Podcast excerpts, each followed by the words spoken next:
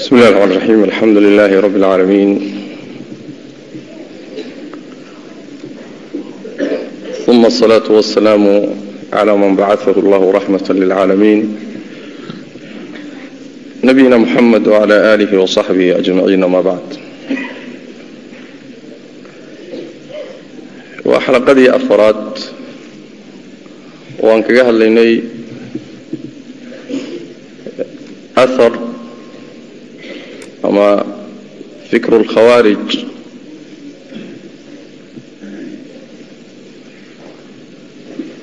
wa sifaatuhum wa aharuhu fi lfiraqi almucaasira sifaadkoodii baan marka ku dhex jirnay waxaa ka mida sifaadkooda qisar nadar وضيق العطن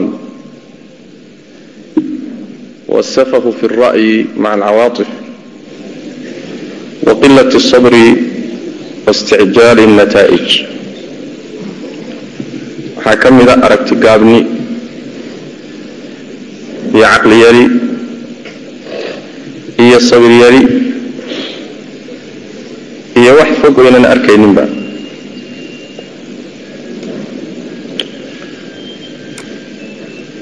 Sida loo yidhaahdo masalka carabiga laa yanduru ilaa abcada min arnabati anfihi. Sankiisa sanka korkiisa wax ka shisheeya maba arkaba. Yani waa ruuxa aragtida gaaban waay. Meel dhow buu wax ka fiiriyaa waxa derbiga ka shisheeya maba arkaba. Arrintaasi waxay ka muuqataa xadiidka nabiga sal lay slam markuu khawaarijta tilmaamaya uu yidhi axdaaثu اlasnaani sufahaau اlaxlaam waa niman da'yar caqligooduna uu liito asnaantu waa jamcu sinin waxaana laga wadaa cumriga iyo da'da axdaatana waxaa u jeedaa waxaa laga wadaa sufahaau laxlaamna waxaa laga wadaa caqli yarida iyo caqligoodu inuu liito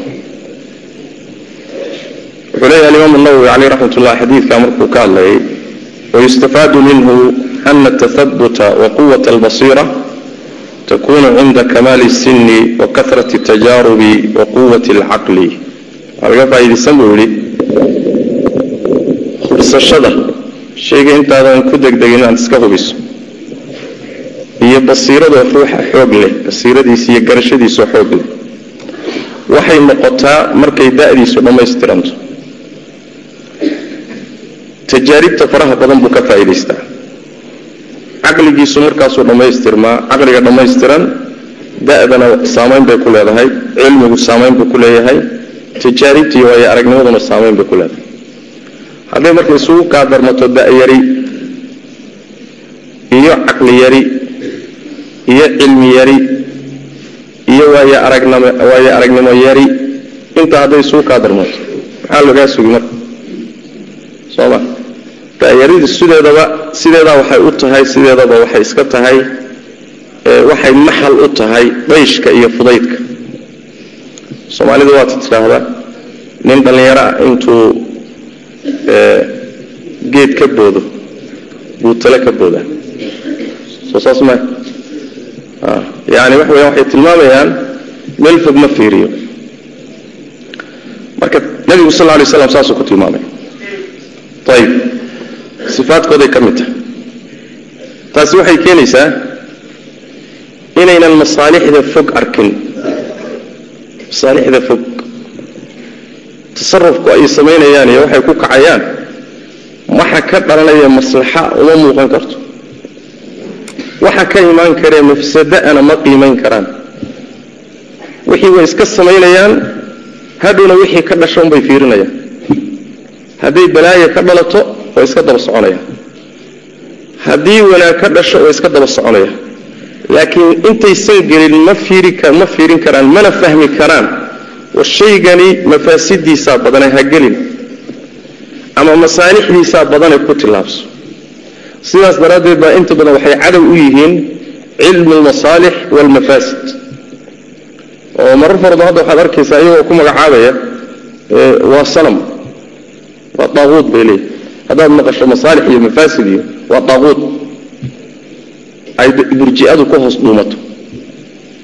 Waa cilmiga dhan diinta dhan qaacidaday u laabanaysay waa.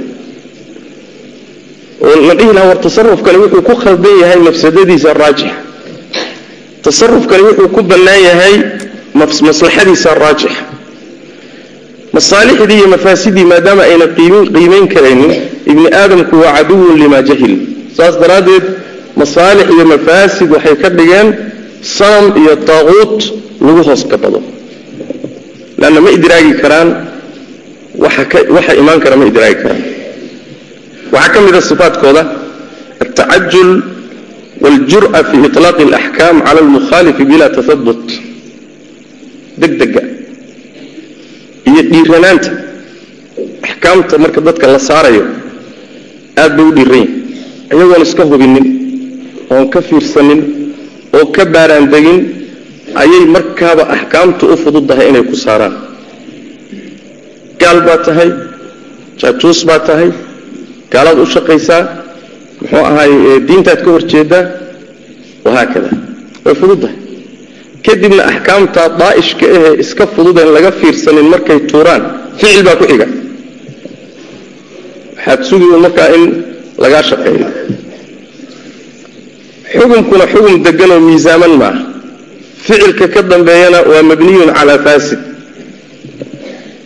Dayshkaa iyo fudaydkaana dabeecadooday ka mid tahay waan soo marnay qowlkii dilkhuwaysira uu nabiga ku yidhi icdil fa inaka lam tacdil.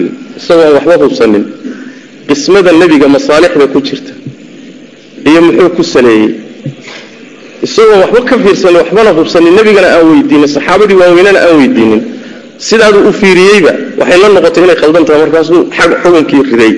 Muxuu yidhi icdil fa inaka lam tacdil war maxamedoo cadaalad daraad wadaa ee cadaalad samee. Warniga xukumka u kaadi horta waa xubso xubsiima ma jirto. Wakaan soo marnay sidoo kale saxaabada kibaartoodii inay gaalaysiiyeen. Ayagoon waxba hubsanin waxba weydiinin waxba ka baaraandegin inay ku xambaareen. Iyadoo qur'aanka weliba sheegay in ilaahay raalli ka noqday in badanoo ka midana jannada loo waajibiyo adduunka iyagoo jooga janno loogu bishaariyo dunuubtoodana la dhaafay. Ayb waxaa ku tusaya arrintaa iyadaa dhiiranaanta faraha badan iyo dadkoo la iska xukumo. Ayaga laftoodu markay iskhilaafaan waanagii xalay soo marnay inaysan isu naxariisanaynin intay si degdega isu xukumaan haddana si degdega inay dhiigooda ku daadiyaan xalaan tusaalayaal ka soo bixinay sooma yani musalsalka say isu khilaafeen oo haddana qolaba qolada dhiigooda u banaysata waxaasoo dhan waxay ka imaanaysaa aljur'a fii ilqaa'i alaxkaami cala almukhaalif bila tahabut haddaad aragto ruux sidiisaba abwaabta noocan ajari ku ah. Salafka haddaad fiiriso fitanka iyo dimaada iyo masaa-isha diinta iyo diinta markaa dadku diinta laga saaro masaa'il ridda iyo takfiirka iyo masaa'il aliimaan iyo masaa'il alacraab aad bay u taxadari jireen khaasatan masalada takfiirka aad bay u baqi jireen. Waan u tegi doonnaa waxbaan caawa ka tilmaami doonnaa. Laakiin haddaad aragto baabkaasi nin ay u fududdahay oo biyo la kabanayaba uga fududdahay oo isagoo qusqusi haya iska tuurtuuri. Dhaqaybinba kaarhka casal dadka u qaybinaya waa iska quslaaya wakaannahu laa yafcal shay. Wax weynba inuu gelaya ma moodo waxaad garanaysaa inuu yahay maftuun. Waa nin fidnaysan. Wa taxadarkii iyo is-ilaalintii iyo tadayunkii iyo waracii salafkaa ka maqan haddaad aragto nin aad u baqaya markay masaa-isha noocaasi timaadana warac iyo alla kacabsi badan baa ku jira. Daliil waay. Ayib waxay kutusaysaa arrintaasaan tilmaamayna diyaanada ruuxu inay daciif tahay iyo muraaqabadiisa alle uu muraaqabaynayo. Maxaa yeele ruuxa hadalka ka soo baxaya axkaamtiisa hadduusan islahayn waa lagaaga daba imaanaya. Idaa lam tastaxyi fasnac maa shita. Waxaad doonta ku hadal marka. Marba haddii iimaankaaga iyo diyaanadaadu daciif tahay wax kasta waa lagaa filanaa marka. Asbaabta keenaysa waxaa ka mid a istaskiyeynta oo lagu lagu lagu xeel dheeraado ruuxu istaskiyeeyo oo adigu u aragto inaad tahay marjica wax khayr oo dhan marjica u ah. Adigana inaad isku fiiriso il wanaagsan arrimahaaga. Mukhaalifkaagana inaad ku fiiriso il cawaran. Wixiisoo dhan waa wada cawaran yihi waxaagoo dhan waa wada hagaagsan yihi taasaa keenaysa marka inaad axkaamta durba la degdegto dhiirato meelihii laga baqi jiray halista ah inaad ku dhiirato waxaa ka mid a sifaatkooda alquwa wاlkhushuuna wاljalad wاljafaa wاlghilda fi اlaxkaami cala اlmuslimiin qallafsanaan iyo kakanaan iyo muxuu ahaaye muxuu ahaaye naxariis la-aan muslimiinta markay la mucaamaloonayaan waa kaan soo marnay xataa mucaamaloodkooda muslimiinta ay la mucaamaloonayaan. Gaaladu lama mucaamalooto gaaladu intaa in badanoo ka mida way dhaantaa. Waa kaan soo marnay cabdullaahi bni khabaab iyo xaaskiisii iyo ilmihii yuurka ku jiray say ku sameeyeen. Somayna soo mar. Ficla saniica oo naxariis darro kama dambaysa kutusaysa wa dadkii oo shahaadanaya in luqunta laga gooyo oo weliba mindi lagu jaro. Mindi weliba aan af lahayn in lagu kirkiro oo yani toban daqiiqo in mindi lagu kirkiro isagoo ashahaadanaya oo la yidhaahdo ashahaadada wax kuu tarto ashhadu an laa ilaaha ila allah wa ashhadu anna muxamadan rasuulullah. War haydilina war walaalkiin baana war muslim baana. Waxaa kuu tartaa laleeyahy war xayawaanaadka dilkooda iyo qalashadooda la amray. Baa waxaa nebigu yuri sal alay wasalam waidaa qataltum faaxsinu lqitla xataa kuwa dilkooda la amray xataa gaalada lala dagaalamayo. Waxyaalo badan baan la ogolayn soo ma marka naxariis darrada iyo qallafsanaanta iyo kakanaanta iyo waa dabeecadda khawaarijtaba. Ayb cabdillaahi imaam axmed wuxuu soo saaray bisanadihi ilaa naafic cabdullahi bni cumar ayaa wuxuu maqlay ninka la yidhaahdo najdat bni caamir. Waa ninkan soo marnay ee khaarijiyada ama khawaarijta kooxahoodii mid ka midu madax ka ah. Najda ayaa waxaa la yidhi qad aqbala wa anahu yuriidu lmadiina najda iyo ciidankiisii waa soo socdaan ibni cumarow madiinuuna ku soo socdaa magaaladii nebiga sal lay slam haye wa anahu yasbi nnisaaa wayaqtulu lwildaan dumarkana wuu qafaalan caruurtana wuu layn. Waa xaggee madiinatu rasuuli illahi wa sal lay slam markaasaa cabdullahi bni cumar warkii markuu soo gaadhay wuxuu yidhi inaa laa nadacuhu laa nadacuhu wadaka hadduuba sidaas samaynayo waxa uu rabo u dayn mayno waa la dagaalamayna wahama biqitaalihi inuu la dagaalamo damcay waxarada annaas dadkiibuu boorriyo yidhi war ninkan aan iska celino carruurteennana wuu layn dumarkana wuuba kaxaysan. Markaasaa waxaa lagu yidhi ina annaasa laa yuqaatiluuna macaka ibnu cumarow hallu goyn dadkani ku raaci maayaan dagaalna kula geli maayaan wanakhaafu an tutraka waxdaka. Waxaanan ka baqaynaa keligaa in lagaa tagoo lagu daayo oo lagu dilo. Fatarakahu dadaad keligaa noqoto maxaad qabani? Isaguna waa isaga tegey marka. Mayna sheegin riwaayaadku inuu madiine galay oo sidii samey laakiin waxaan ula jeedaa meeshay galaan carruurta way layn dumarkana way qafaalan. Naxariis la'aan wey soo ma marka khildada iyo qalafsanaanta iyo mucaamalada waxay khilaafsan tahay ahlu sunnuhu ay xadiidkaasi waxaa soo saaray cabdillahi bn imaam fi sunna sanadkiisuna waa saxiix. Aarkaasaan dhihi laha waxaa sidaa ka gedisan ahlu sunnuhu siday kula mucaamaloodaan mukhaalifkooda. Waxay kula mucaamaloodaan sida shekhu islam ibnu taymiya aleh raxmatullah uu tilmaamayo bilcadli waalraxma saas way macana cadaalad bay u sameeyaan oo baqyi iyo ictidaa kuma sameeyaan. Naxariisna way kula dhaqmaan xataa axkaamta markay ku fulinayaan xataa axkaamta markay fula u fiirso dagaalka iyo jihaadka islaamka u fiirso. Caruurta ha dilina dumarka ha laynina nin muxuu ahaayey suufi oo kaniisada isaga jira ha dilina dadka da'daa ha laynina. Soo ma jeed kii la soo qabta waxay leedahay aadaab iyo axkaam iyo bay leedahay. Laakiin waxa way cagta ha la wada mariyo. Waa dhaqankii khawaarijta. Waxaa ka mid ah sifaadkooda suu dan waalxukmu cala alquluub waitihaamuha in dadka uun madaxun laga maleeyo quluubtana la xukumo dadkana layska tuhmo saasaad ula jeedaa baa lagu dhihi saasaa qalbigaaga ku jirta war qalbiga yaa ku ogeysi may waan ognahay saasaad ka wadaa sooma madhab ahlisunna waljamaca waxa weeye ruuxa daahirkaa lagagala dhaqmaa sooma hallaa shaqaqta sadrahu laabtiisa maadaa jeexay haddaynan la helin qaraa-in xoog badan oo meel laga mara aan lahayn oo ku tusaysa qalbiga waxa ku jira ruuxa daahirkiisa in lagu wado ayaa waxay tahay madhabka ahlusunna waljamaca qur'aanka iyo sunnadu ay ku tusayaan. Laakiin khawaarijtu waa cagsi dalik hadduu xataa khaldamo ruuxa muslimka ah ood aragto wax kaloo inuu galay waa inaad u raadiso macaadiir.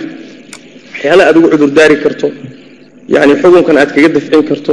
Maxmal wanaagsan hadalkiisa inaad u raadin karto hadduu hadalkiisu xumaanna ixtimaali karo ficilkiisu xumaan ka soo bixi karto wanaagna ula jeedi karo wanaagga aad una cudurdaar laakiin ayagu cagsa daalika wa.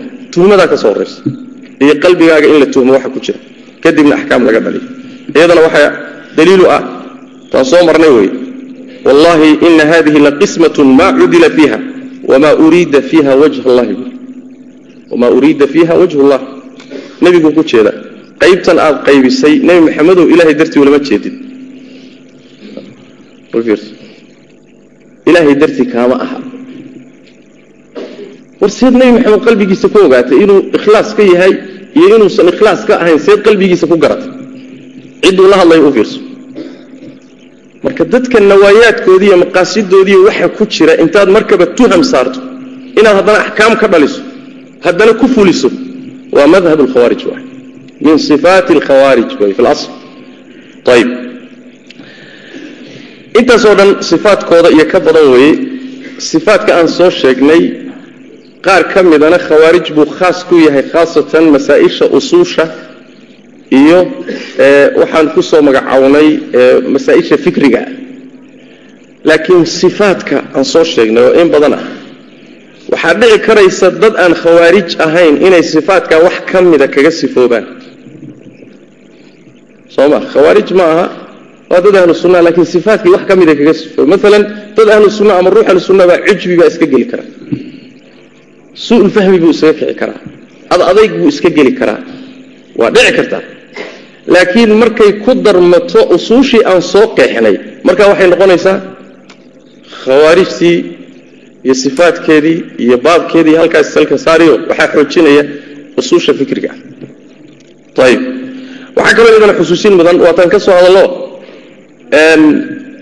Salaadii badnayd iyo soonkii badnaa iyo cibaadaadkii iyo qur'aan akhriskii iyo markii la yidhi diintay ka baxayaan yaan loo fahmin inay salaada iyo soonkii qur'aan akhriska faraha badan iyo dadaalka ay diinta kaga baxeen.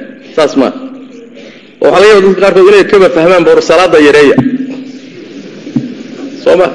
Sidaa khawaarij u noqonin soonkana iska yareeya qur'aan akhriskana yareeya saana maaha loolama jeedo cibaadaadkaasi in la badsado waa loo baahanya haddii aadan gaadhin xaddulghuluwi xuduud iyo sohdin bay leedaha dhaafinin laakiin wasfiga laga wado waxa weeyaan marka saa lagu tilmaamayo tilmaantaasay lahaan jireen ha ku kadsoomin. Ha ku kadsoomin. Haddii asalka iyo fikirka iyo muctaqadku inxiraafsan yahay sifaadkaas sifaad fiicnaan lahaa bay ahaayeen. Laakiin quluwina way ku sameeyeen badnaanteeduna yayna ku kadinin oo ha u qaadanin ruuxii salaad badan ee soom badanba inuu ilaaqan u fiican yahay xataa hadduu munxarif yahay. Saa ha u qaadan. Wax ka hooseeya jira arrintaa iyada oo madhabkiisa fikriga ah caqadiga ah akhlaaqdiisa wax badan baa meesha ku jira. Waxaa intaa dheer oo insha allahu tacaala qodobkaa kaga baxaya inaan ishaaro khawaarijta raggoodii hore kooxahoodii hore mayna qabi jirin firaqdii dambe ee jahmiyada iyo muctasilada iyo nimankii la dhihi jiray murji'ada iyo qadariyada iyo fikirkii afkaarta ay dib ka keeneen khawaarijta inteedii hore ma qabin. Laakiin mutaakhiriintii khawaarijta muxakimadii marka laga soo tago iyo wixii ka dambeeyey afkaartii soo baxday jahmiyada iyo muctasilada iyo wax badan bay ka qaateen. Saas waxaa dhahaya shekhulislaam ibnu taymiya caleyh raxmatullah wuxuu leeyahay walam yucraf fiihim alkalaam wa ta'wiilu asifaat ila bacda duhuuri almuctasila wa mutakalimi ashiica ama qudamaau alkhawaarij aladiina fi cahdi asaxaabati waltaabiciin fqad sabquu hadihi اlmaquulaat almansuuba liljahmiyati wاlmuctazila talbiisu aljahmiya yuu hadalkaa ku leeyahy qolyihii dambe ee soo gaadhay muctasilada iyo jahmiyada iyo murji'ada iyo waxbay ka qaateen afkaartoodii laakiin qudamaau lkhawaarij afkaartan kale way ka horrayso qur'aankiiba abuurkiisa masalatu sifaat qadarka iyaduna waxba ma laha. Wuxuu nabigu sal lay wasalam qad sadaqa alfarha wadam wadam wadam dhiiggii uu dhex maray iyo uuskuu dhex maray intaba xoog buu kaga gudbay. Adiga fahno shaygu markuu xawaaro xoog badan ku socdo ma aqbalayo waxyaalaha dhinacyaha ka maraya inay ku dhegaan soo ma xoog buu uga dhex baxaya xawaaro aan caadi ahayn buu ku socdaa. Nimankaasi siday diinta uga dhex baxeen wax diintii ka mid ah iyo raadkeedii oo ku hadhay nimankaas. Ma jiro. Xataa meeshooda ugu dambaysa way ka siibteen. Soo arrin halisa maaha ayib ka soo soco nabigu wuxu uhi sal lay waslam xadiid kale bukhaari uu soo saaray min xadiidi caliyin laa yujaawizu iimaanahum xanaajirahum. Iimaanka ay sheeganayaani halkaa dhuunta ama kalxanta uma dhaafsiisna muxuu ku tusi? Inaan qalbigooda iimaanba ku jirin. Sooma daahirkiisu waa saas. Xadiid kaleeto oo abu dar uus warinayo oo muslim soo saaray. Nabigu wuxu uhi sal lay wasalam hum sharu lkhalqi waalkhaliiqa inta ilaahay abuuray bay ugu shar badan yihiin sifadaa qur'aanku yuu ku sheegay ulaa'ika hum sharu lbariya yaa lagu sheegay ya gaaladaa lagu sheegay sharu lbariya waa gaalo sharu lkhalqi waalkhaliiqa waa sharu lbariya waa khawaariji intuu ilaahay abuuray bay ugu shar badan yihiin bu nabig sal lay slm ayib xadiid kaleeto oo muslim soo saaray min xadiidi cubaydillahi bni abi raafic wuxuu nabigu sal lay wasalam min abqadi khalqi illaahi ilayhi. Ilaahay addoommadiisa kuwuu ugu necab yahay wa khalqi intuu ilaahay abuuray buu ugu necab yahay. Ayib xadiid kale oo bukhaari iyo muslim ay soo saareen min xadiidi abi saciid. Nebigu wuxuu yidhi sal lla wasalam lain adraktuhum laaqtulannahum qatla caad. Haddaan soo gaadho xilliga ay xoogaysan doonaan oo bixi doonaan waxaan u layn doonaa sidii ilaahay reecaad u baabi'iyey oo kaleeto. Waxba ka reebi maayo. Waa xadiis kale. Xadiid kaleeto xadiidkii cali fii saxiixi muslim nebigu wuxu uhi sal lay waslam low yaclamu ljeyshu aladii yusiibuunahum maa qudiya lahum cala lisaani nabiyihim latakaluu cani alcamal ciidanka la dagaalami doona. Waxa uu nebigu u sheegay oo ajriya khayr ah oo ilaahay u yaalla hadday ogaan lahaayeen camal kaloo dhan wayba iska dayn lahaayeen intaasayba ku daysan lahaayeenoo ku filaan lahay inay janno ku galaan cadaabna kaga badbaadaan. Inay khaarij khawaarij la dagaalameen bas baaba ku filaan lahay ayib xadiidka kaleeto abu saciid baa soo wariyey. Abu saciid baa warinaya nebigu wuxu uhi sal ly wasalam uma laa yacuuduuna fiihi xataa yacuuda asahmu ilaa fuuqihi islaamka markay ka dhex baxaan ku soo noqon maayaan ilaa leebku uu ku soo laabto meesha dilaaca ahe xadhigga laga saaro. Ma dhici kartaa inuu leebku meeshaa dib ugu soo noqdo? Ya sidayna taasi u suuroobi karin baynan islaamka dib ugu soo noqonayn waxaa laga wadaa madax adaygooda iyo qallafsanaantooda iyo hawada say u saaran yihiin iyo sida ay u madaxay u soo noqonaynin iyo sida baadilka ugu adadag yihiin soo laaban maayaan fikirka khaarijigu ninkuu galo. Uma badna inuu ka soo laabto inuuba dhinto mooye ifaadkii la soo sheegay darteed way yar way dhacdaan laakiin way yartahay waa kii cali iyo muxuu ahay ibnu cabaas ba la qaar ka soo saareen ayib xadiid kaleeto oo cali oo axmed iyo nasaai ay soo saareen nasaai fi lkubra bisanadin saxiix wuxuu nabigu leh sal lay slam qitaaluhum xaqun cala kulli muslim la dagaalankoodu waa waajib ruux kastoo muslim waajib ku yahay xadiidu abi umaama nebigu wuxu uhi sal lay slam sharu qatla taxta dilli samaa khayru qatla taxta dilli samaai man qataluuhu. Dhulka cirka hoostiisa cid lagu dilo ayagaa u shar yani dhulka korkiisa waa cid ku dhimata dhulka korkiisa khawaarij baa ugu shar dhulka korkiisa cid lagu dilana waxaa ugu khayr badan cid ay khawaariji dishay u fiirso khawaarij nin ay dishay iyo nin gaal dilay. Nin khawaariji dishay baa ka khayr badan baa daahirka xadiiska laga fahmaya dhulka korkiisa waxaa ugu khayr badan ruux lagu dilo dadkay laayeen. Xadiiu cabdillaahi bni abi awfa iyo xadiidka abu umaama labadaba iyagana waxaa ku yimi nabigu yuri sal lay waslam kilaabu nnaar kilaabu nnaar fii riwaaya kilaabu ahli nnaar kilaabu ahli nnaar naarta eydeeda waa naarta markay galaan ey bay noqonayaan. Ama dadka naarta geli doona ey bay u yihiin. Nusuustaasoo dhan khawaarij bay ku saabsantay. Ayib intaa maxaan ka fahnay marka markaad xaadiistaa u fiirsato ood sidaa u akhrido saa isu daba yaalla. Waxa uun kuu soo bixi inay gaalo yihiin bal inay gaalada ka daran yihiin soo ma waana sida daahirka axaadiistu muujinaysa way ficlan. Alimaam abulcabaas alqurtubi iyo ibn xajar iyo keyrkiiba siday leeyihiin daahirka axaadiistu wuxuu faa'iideynayaan kufrigooday faa'iideynayaan. Waana madhabu طaa'ifa min ahli اlcilm alimaam albukhaari caleyh raxmat ullah tarjamadiisa waxaa laga fahmayaa inuu qabo inay gaalo ahaayeen. Leanna khawaarijta iyo mulxidiintuu isku cadfay kadibna muta'awiliintuu dib ka keenay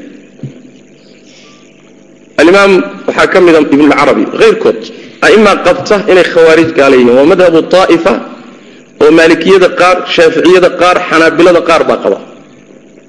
Axaadiistaa daahirkeedayna deliishanaya madhabka ay qabaan jamaahiiru ahli اlcilm saxaabada taabiciinta culimmada badankood madhabkay qabaane waxa wey inay khawaarij gaalo ahayne ay muslimiin fasaqo ah oo cusaad ah ay yihiin. Sidaa ibnu taymiya wuxuu leeyahay saxaabadu way isku waafaqday.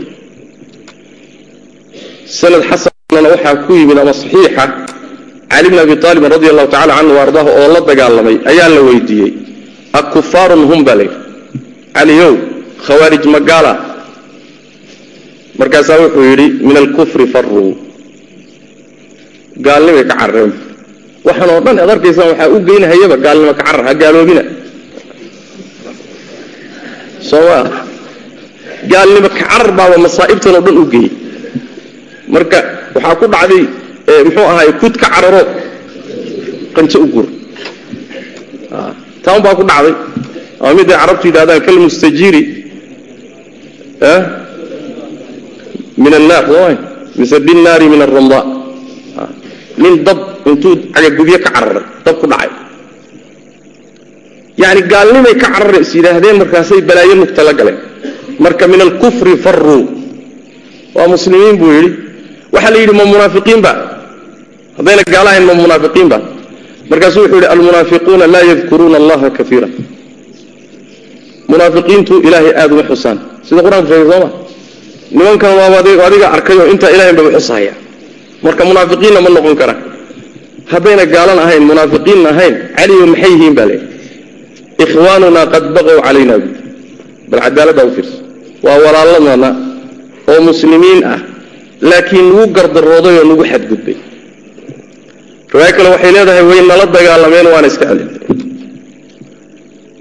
cali bn abi aalib riwaayaadka ka sugan waxay tilmaamaysaa inuu muslimiin u arkahayo waxaa ku tusaya markuu laayey oo ka adkaaday wuxuu amar ku bixiyey ninkooda dhaawaca ayaan la dhaawac tirin.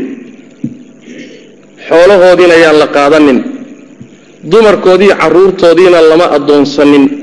Hadday gaalo yihiinna saxaabadu waxay ula dhaqmi lahaayeen axkaamta gaalada ayay siin lahaayeen.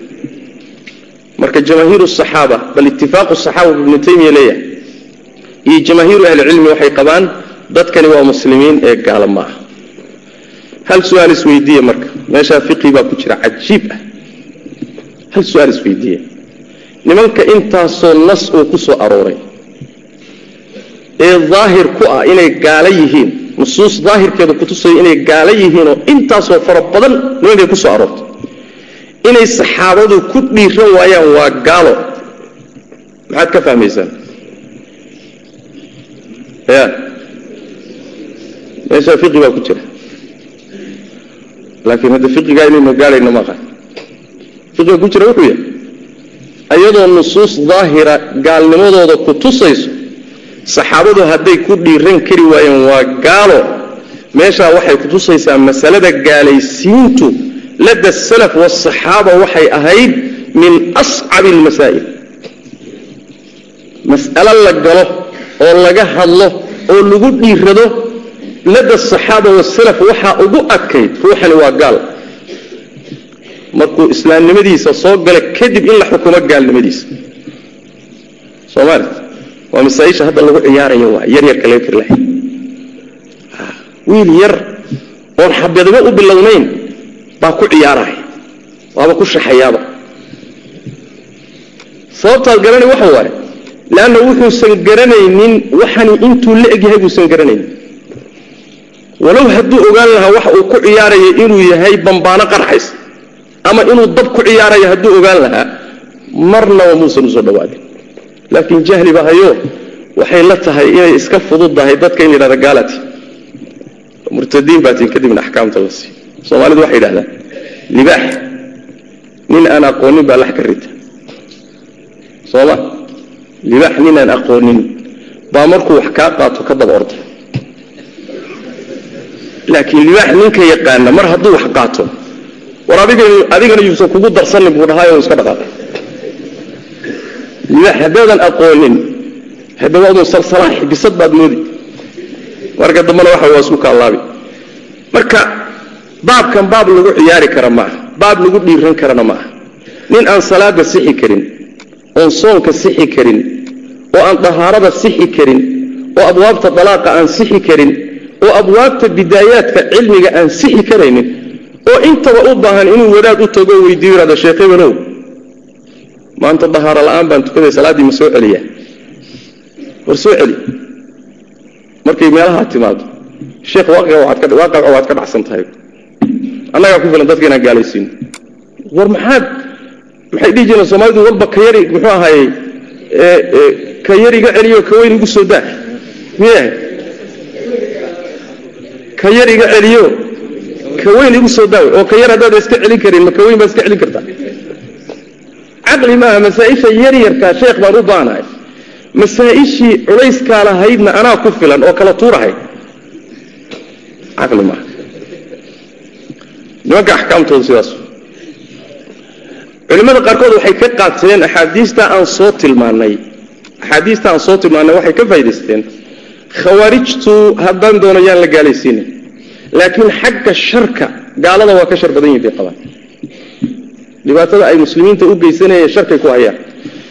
Ibnu hubayra ayaa waxaa laga soo guuriyey hadalkan wuxuu leeyahay wa fi lxadiid ana qitaala alkhawaariji wlaa min qitaali lmushrikiin xadiiska waxaa laga qaadanayaa in khawaarijta lala dagaalamaayo inay ka habboon tahay gaalada la dagaalankeeda. Taasaa la hormarin buu leeyahy maxaa yeele walxikmatu fiihi buu i xikmadda ku jirtaay waxa weeye ana fii qitaalihim xifda ra'si maali اlislaam wa fii qitaali ahli الshirki طalabu الribxi wa xifdu ra'si اlmaali wlaa wuxuu yidhi khawaarijta la dagaalankeedu waxaa lagu ilaalinayaa raasamaalkii diinta oo caqiidadii iyo iimaankii iyo diintii baa lagu waardiinaya la dagaalanka khawaarijta laakiin la dagaalanka gaalada ribix iyo faa'iidaan ku raadinaynaa dabcan waa waa dagaalka oo dalabiga ah. Gaalada waddamadooda markaan ku duulayno dalkeennina waa inoo yaallaa diinteennina waa inoo xifdisan tahay laakiin maxaan raadinaynaa? Ribix iyo faa'iida doon baana. Soo ma?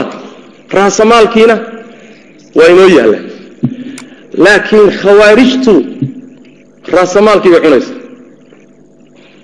adiga nin ribixaaga ku socda iyo nin raasamaalkaaga ku socda. Kee kee daran. Ya war ribixa ma baada helinba. Ribixa gacanba kuma haysine. Ninkan raasamaalka ku socda celi. Soo ma nimankan raasamaalkii bay garaacayaan oo ah dadka caqiidadoodii iyo diintii iyo islaamnimadii bay garaacayaan gaalada oo dhulalkooda loogu duulana siyaada doon baan naho iyagana tawxiid baan gaadhsiinaynaa faa'iide siyaada baan raadinayna raasamaalkiina waa xifdisan labadaasay ku kala gedsiyen saas daraaddeed xadiista waxaa laga fahmayaa buu idhi inay gaalada ka shar badan yihiin. Daahirka axaadiistaa faa'iidayno nebigu wuxuu yidhi sharu lkhalqi waalkhaliiqa waa ilaaqay gaalo kama soo reebin. Haddii la yidhahdo waa gaalo iyo haddaan la dhihinba inay shar badan yihiin shaki kuma jiro. Fatxulbaariga buu ku keenay xaafid hadalkaas inta haddaan kaga soo gudubno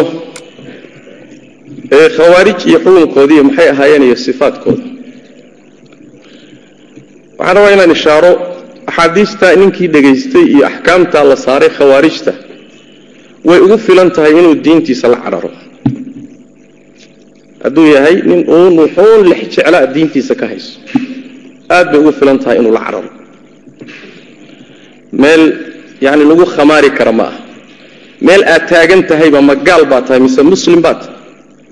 Halkaa iyadaa laysma istaajiyo lama istaago. Ma garata? Diintaada waa looga lex jecloodaa waa looga waa laga taxdaraa. Waxaad uga baahan tahayna ma jiro waxaad uga baahan tahay ma jirto. Waxaan u gudbayaa tarjamada ruknigeedii saddexaad. Tarjamada waxaan ka wadaa muxaadarada saddex rukni bay ka koobnay. Fikru lkhawaarij iyo muwaasafaadkoodii iyo aharuhu fi tawaa'if almucaasira qodobkaas saddexaad baan doonaya inaan meeshan ka ishaaro inta waktiga inooga laabo. Intaanan gelin waxaan rabaa inaan hormariyo sifaadka aan soo sheegnay oo xaadiista ku timid taariikhda aahaarta culimmadu sheegeen ee khawaarij iska lahaan jireen marka koox kooxaha jira ka mida ama shaksi ashkaasta ka mida la saarayo waa mas'ale ijtihaadiya. Waana masalada la yidhahdo masalatu tanziil. Tanziilu nusuus cala alwaqaa'ic tanziilu nusuus cala alashkhaas. Tanziilu nusuus cala alacyaan waa masale ijtihaadiya. Waxaa dhici karta nasku inuu yahay qaaicu hubuut sugnaantiisa inayna shaki ku jirin waa aayad qur'aana. Dalaalada iyo tusidiisa uu ku tusayana macnaha faa'iideynaya inay tahay iyaduna qaaicu hubuut oo inuu nas yaho daahir ahayn. Laakiin tanziilka in la saaro shayganuu ku fadhiyaa ama kooxdanuu ku fadhiyaa ama shaksiganuu ku fadhiyaa ama ruuxanuu ku fadhiya oo gelaya inaad tidhaahdaay. Waa masale ijtihaadiya sidaas daraaddeed xukunkeeda waa lagugu raaci karaa waana lagugu khilaafi karaa. Shekhulislaam ibnu taymiya aleyh raxmat ullah wuxuu leeyahay kooxda la hubo inay khawaarij ahaayeen. Binnasi waalijmaac waa kooxdii cali la dagaalamay. Maxaa yeele kooxda nasna waa u haynaa ijmacna waa u haynaa kooxihii ka dambeeyey kolba waxay ku xidhan tahay sifaadkaa qiyaastay ka qaateen qolo tastaxkim fiihim hadihi sifaat. Usushaa iyo sifaadkaasaa ku dhammaystirmi markaasaa la xukumi inay khawaarij yihiin qaar ka mida sifaadkaasaa waxay ka qaadanayaan boqolkiiba siddeetan qaar waxay ka qaadanayaan boqolkiiba toddobaatan qaar waxay ka qaadanayaan boqolkiiba konton qaar way sii daciifaysaa. Soo ma jeed? Xukumka marka la saarayo kooxdan ama shaksigan sifaadkii laga helay ninka xukumaya fiirinaya ijtihaadkiisay ku xidhantay.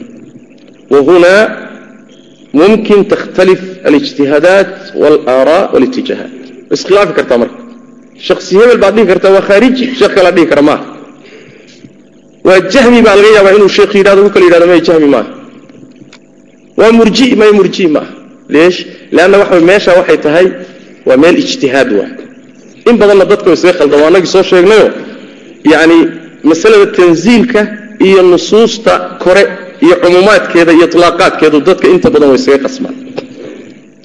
Taa waan tilmaami rabaayo qoladaasi nisba ayay ka qaateen ama waxoogaa bay afkaarta iyo muwasafaadkay ka qaateen ama way wada qaateen ama wax badan bay ka qaateen ama wax yar bay ka qaateen. Waa masale muhima in la ogaado. Masalada labaadi waxa weeye waxaa kala gedisan ficilka iyo qowlka iyo shaksiga inaan idhaahno dhacdooyinkaasi iyo sifaadkaasi iyo dhaqamadaasi waa dhaqamadii khawaarijta iyo inaan idhaahno shaksigu ama kooxdu waa khaariji farqibaa udhexeeya waxaa fudud inaan idhaahno dhaqanku waa dhaqankii khawaarijta. Soo ma afkaartu waa afkaartii khawaarijta. Afcaashani waa afcaashii khawaarij tasarufaadku waa tasarufaadkii khawaarijta. Taa way fududdahay oo waxay ku filan tahay inaan sifaadkii helno. Laakiin shaksiga ku dhacay inaan xukunno ayadu waxay u baahan tahay shuruud ziyaada ah oo ah tawafuru shuruud waintifaa'i almawaanic ma muta'awil baa ma jaahil baa xujada ma lagu oogay maxaa u geeyey waaqicuu joogo waaqic muntashir ay ku tahay sunnadu ma tahay mas'alada khafaageeda iyo muxuu ahaayey ee duhuurkeeda shaksiga marka la xukumayo way ka culus tahay marka la xukumayo qowlka iyo ficilka iyo fikirka. Saas daraaddeed masaladaasina ma kala gedisna fi tabdiic waaltafsiiq waaltakfiir axkaam oo dhan baa gelaya axkaam oo dhan baa gelaya taana waa in la ogaado macnaha saas daraaddeed baa shekhulislam ibnu taymiya caleyh raxmatullah wuxuu leeyahay firaqdii toddobaatan iyo dhowrka kooxood ee nebigu sheegay sal ly waslam culimmada qaarkood baa waxaa ka soo aroortay inay yidhaahdeen waa khawaarijta iyo shiicada iyo murji'ada waxbay ku sheegeen magacyay sheeg sheegeen wuxuu leeyahay markuu intaa sheegay kadib ama tacyiinu hadihi alfiraq faqad sannafa annaasu fiihi musanafaat wadakaruuhum fii kutubi almaqaalaat walakina aljazma biana hadihi alfirqata almawsuufata ixda ahintayn wasabciin laa budda lahu min daliil faina allaha xarama alqowla bilaa cilmin cumuuma waxarama alqowla calayhi bilaa cilmin khusuusa markaasuu aayaadka keena macnaha tilmaamay in la yidhahdo kooxibla toddobaatankii iyo dhowrkii kooxood nebigu sheegay bay gelaysaa daliil bay u baahan tahay marka masaladu iyadoo lafteeda waa masalo taxadar badan u baahan waxaan taa u leeyahay dadka qaarkoodoo ka dhigtay caadaystay inay itlaaqaan axkaamtan oo yidhaahdaan hebel waa khaariji kooxiblo waa khaarijiyo hebel waa murji'i hebel waa muctasili hebel waa kan oo axkaamta ashkhaasta iyo acyaantu aada ugu fududdahay ama yidhaahda hebel waa mubtadic halkaas iyaduna waa meel adag. Waxay u baahan tahay miisaan waxay u baahan tahay shuruud in la fiiriyo waxay u baahan tahay mawaanicdii in la fiiriyo waxay u baahan tahay axkaamtii acyaanta xukunkeeda ayib inta haddaan ka soo gudbo firqooyinka ama kooxaha aan rabo inaan tilmaamo laba qaybood waay qayb waa la hubaa inay khawaarij yihiin. Cinda jamaahiiri ahli ilcilm salafan wa khalafan. Waxay rajaxayaan inay khawaarij yihiin kooxana. Wijahatu nadarku waa isku khilaafayaa ilaa xaddee bay ka haystaan sifaadkii iyo dhaqamadii iyo usuushii iyo mabaadi'dii khawaarijta. Waxaa ka mid a kooxda ugu horraysa waxa weeye. Nimanka la yidhaahdo ibaadiyada. Alibaadiya. Alabaadiya. Atbaacu cabdillaahi bni abaad atamiimi niman magacaa leh waxay soo baxeen wakhtigii cabdilmelik ibni marwan ilaa wakhtigaa way soo jireen. Waxaa la yidhahdaa waa kooxda keliya ee khawaarijta ah ee magaceedii horee taariikhda ilaa iyo hadda haysata. Jirtana oo muddadaa dheer baaqi ahayd. Firaqdii kale inta badan waa baaba'een. Afkaartiin baa joogta. Nimankaasi waxay ku nool yihiin oo hadda ka jiraan saltanatu cumaan. Saltanatu cumaan dowladda haysata waa abaadiyo waay soo saltanatu cumaan ma garanaysaa? Ha dowladaha khaliijka ka mid a.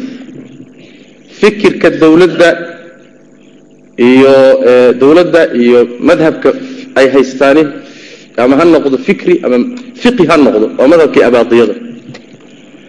Madhabkaa wuxuu u soo gudbay oy soo gaadhsiiyeen sawaaxil afriqiya ilan iyagaa haysan jiray sooma dhulkan ka talin jire nimankii ka taliyey xeebahan africa ilaa ka soo bilow soomaaliya soo soco ilaa zanzibar mombasa iyo xeebaheeda. Ilaa waxaad gaadhaa darsalaam ilaa mozambiq nimankii halkaa gaadhay ka talin jiray waxay ahaayeen cumaaniyiinta ahayd meelaha waxaa ku hadhay afkaartoodii wax ka mida khaasatan jasiiradda zanzibar. Way jiraan sidooday u jiraan. Qolada abaadiyada la yidhaha ayib fikirkoodu waa qolyo dib ka yimid bay ahaayeenoo qolyihii dib ka soo baxay afkaartii dib ka soo baxday khawaarijtii hore ay ka fayoobaayeen bay wax ka qaateen. Sifaatka ilahay bay inkiri jireen inkiraan. Ilaahay aakhare laguma arki karay qabaan. Qur'aanku inuu makhluuq yahay bay qabaan. Shafaacada dadka dembiyada ku dhintay naarta geli doona. Shafaacadooday inkirsan yihiin. Waxay qabaan imaamka jaa'irka in lagu baxo. Laakiin waxay khawaarijtii hore kaga gedisan yihiin. Dadka khilaafsan ee madhabkooda aan gelin muslimiinta kale ah waxay leeyihiin mushrikiin maahe waa kufaar.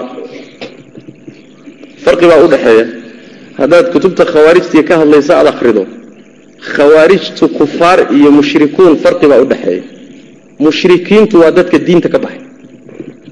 Kufaartuna waxay u yaqaanaan wax gaalnimada ka sokaysa. Saas daraaddeed way ka guursadaan way u guuriyaan way la mucaamaloodaan gowracooday cunaan. Waxaana la yidhahdaa waa sirta keentay abaadiyadu inay baaqi noqoto kooxihii kalena baaba'aan.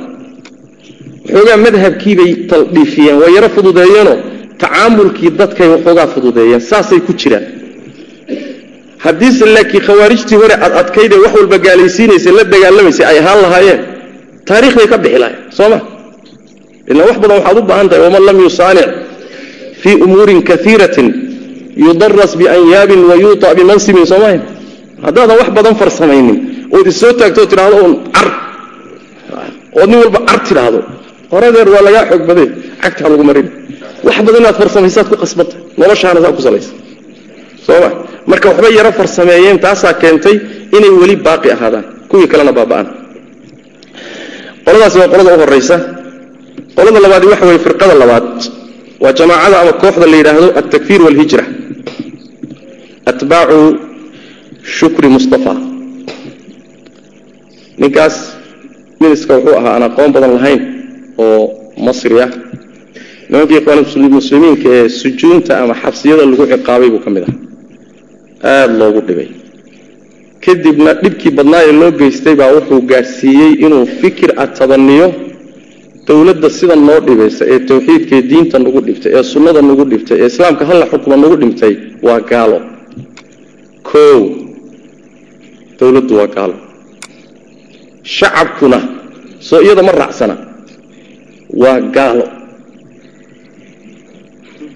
Culimadiina culimmaduna waa gaalo. Maxay ku gaaloobeen man lam yukafir ilkaafira fahuwa kaafir. Culimmadu soo dowladdii mayna gaalaysiin waaye. Shacabkiina soo mayna gaalaysiin waaye. Iyagaaba gaalaaba wuxuu gaadhay inuu yidhaahdo jamaacadii muslimiintu waa jamaacadayda. Ciddii aniga ugu soo biirta unbaa muslima. Kooxdayda gasha wixii aan aniga iga mid ahaynna waa gaal. Kaa'inan mankaan masaajidda iyo dadka ku tukada iyo culimmada iyo ahlu tawxiidka iyo ducaadda iyo kulli agtooda gaalay ka ahay tartiibkaasayn u marino marka hore waxay xukumeen oo gaalaysiiyeen shucuubta waxaan u jeedaa xukaamta kadibna shucuubtay u gudbeen kadibna culimmaday takfiiriyeen iyagoo u isticmaalaya man lam yukafir ilkaafira fahuwa kaafir qaacidadaa iyadaa ilaa iyo hadda way isticmaalaan. Isticmaalkeeda iyo tansiilkeeduna sax ma ah. Kelimatu xaqin yuraadu biha baatil waay meesha la saaraya maaha culimmadu markay sidaa dhaheen man lam yukafir ilkaafira fahuwa kaafir waxay ka wadaan kaafirka laysku waafaqsan yahay gaalnimadiisa. Alkaafir almujmac calaa kufrihi. Sida yahuuddoo kale nasaaradoo kale majuustoo kale. Soo ma jeed? Buudiyadoo kale hinduuskoo kale. Kuwa gaalnimadooda laysku waafaqsan yahay ninka ka shakaya inay gaal yihiin oon gaalaysiinin. Dee isagaa gaala soo ma laakiin ahlu tawxiidka dhexdooda waxay isku khilaafsan yihiin. Ninka u isticmaala man lam yukafir ilkaafira fa huwa kaafir. Madhabkaasi waxaa ka soo urahaya fikirkii khawaarijta. Meeshaana ulamayna jeedan culimmadu ibnu taymiya markay sharxayaan ibnu qayim qasadku halkaasu udhacaya laakiin iyagu saasuu isticmaalay fikirkaa waxaa qaatay horta qolada mustafa shukri waxay soo baxday masar bay ka soo baxday kadibna way faaftay. Adduunkay ku faaftay soomaalida waxay soo gaadhay fikirkani siddeetankii siddeetan iyo dhowrkii meelahaasi soo gaadhay. Sideedimeyna waan malanay.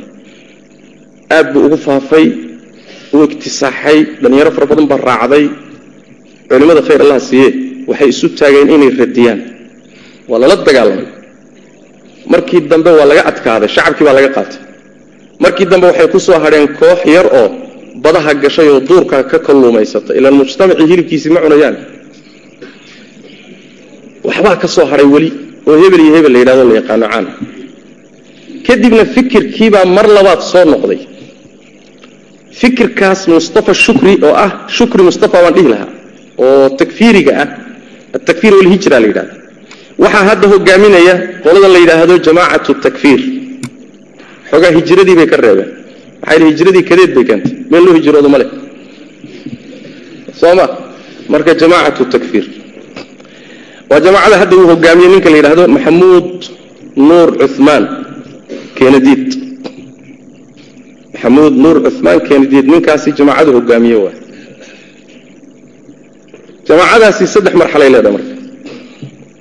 Dacwadoodu saddex marxalay maraysa marxalada hore waa dacwa siriya la yidhaahdaa. Xilligii makay ku jiraan. Hoos bay dacwada u wadayaan. Mujtamaca tuqiya kula noolaanayaan ha laysaga dhex jiro. Xataa hadday salaada ku qabato inaad lagu fahmo ka yaabto. Masaajidka intaad dadka dhex istaagto. Niyatulinfiraad ku tuko.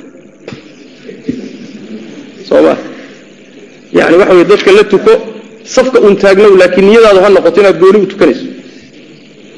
Xilli horaan ku jirnaa marxaladaa markay ka gudbaan waxay u gudbayaan marxalo xigta oo ah marxalatu dacwa aljahriya. In dacwadu bannaanka u baxdo oy masaajid yeelato oy maraakiis yeelato oo shacabku meelay ugu soo hagaaga yeelato oy qarsoodida ka baxdo. Fasdac bimaa tu'mar waay meeshaasay la aadayaan. Halkaa markii nebiga la yidhi fasdac bimaa tu'mar marxaladaasay marayaan haddana. Waasay sheeganayaan marxalada waa marxalada marka ay ismuujinayaanoo masaajidda dhisanayaanoo mujtamaca u soo baxayaanoo lama mucaamaloonayaan waa gaalo.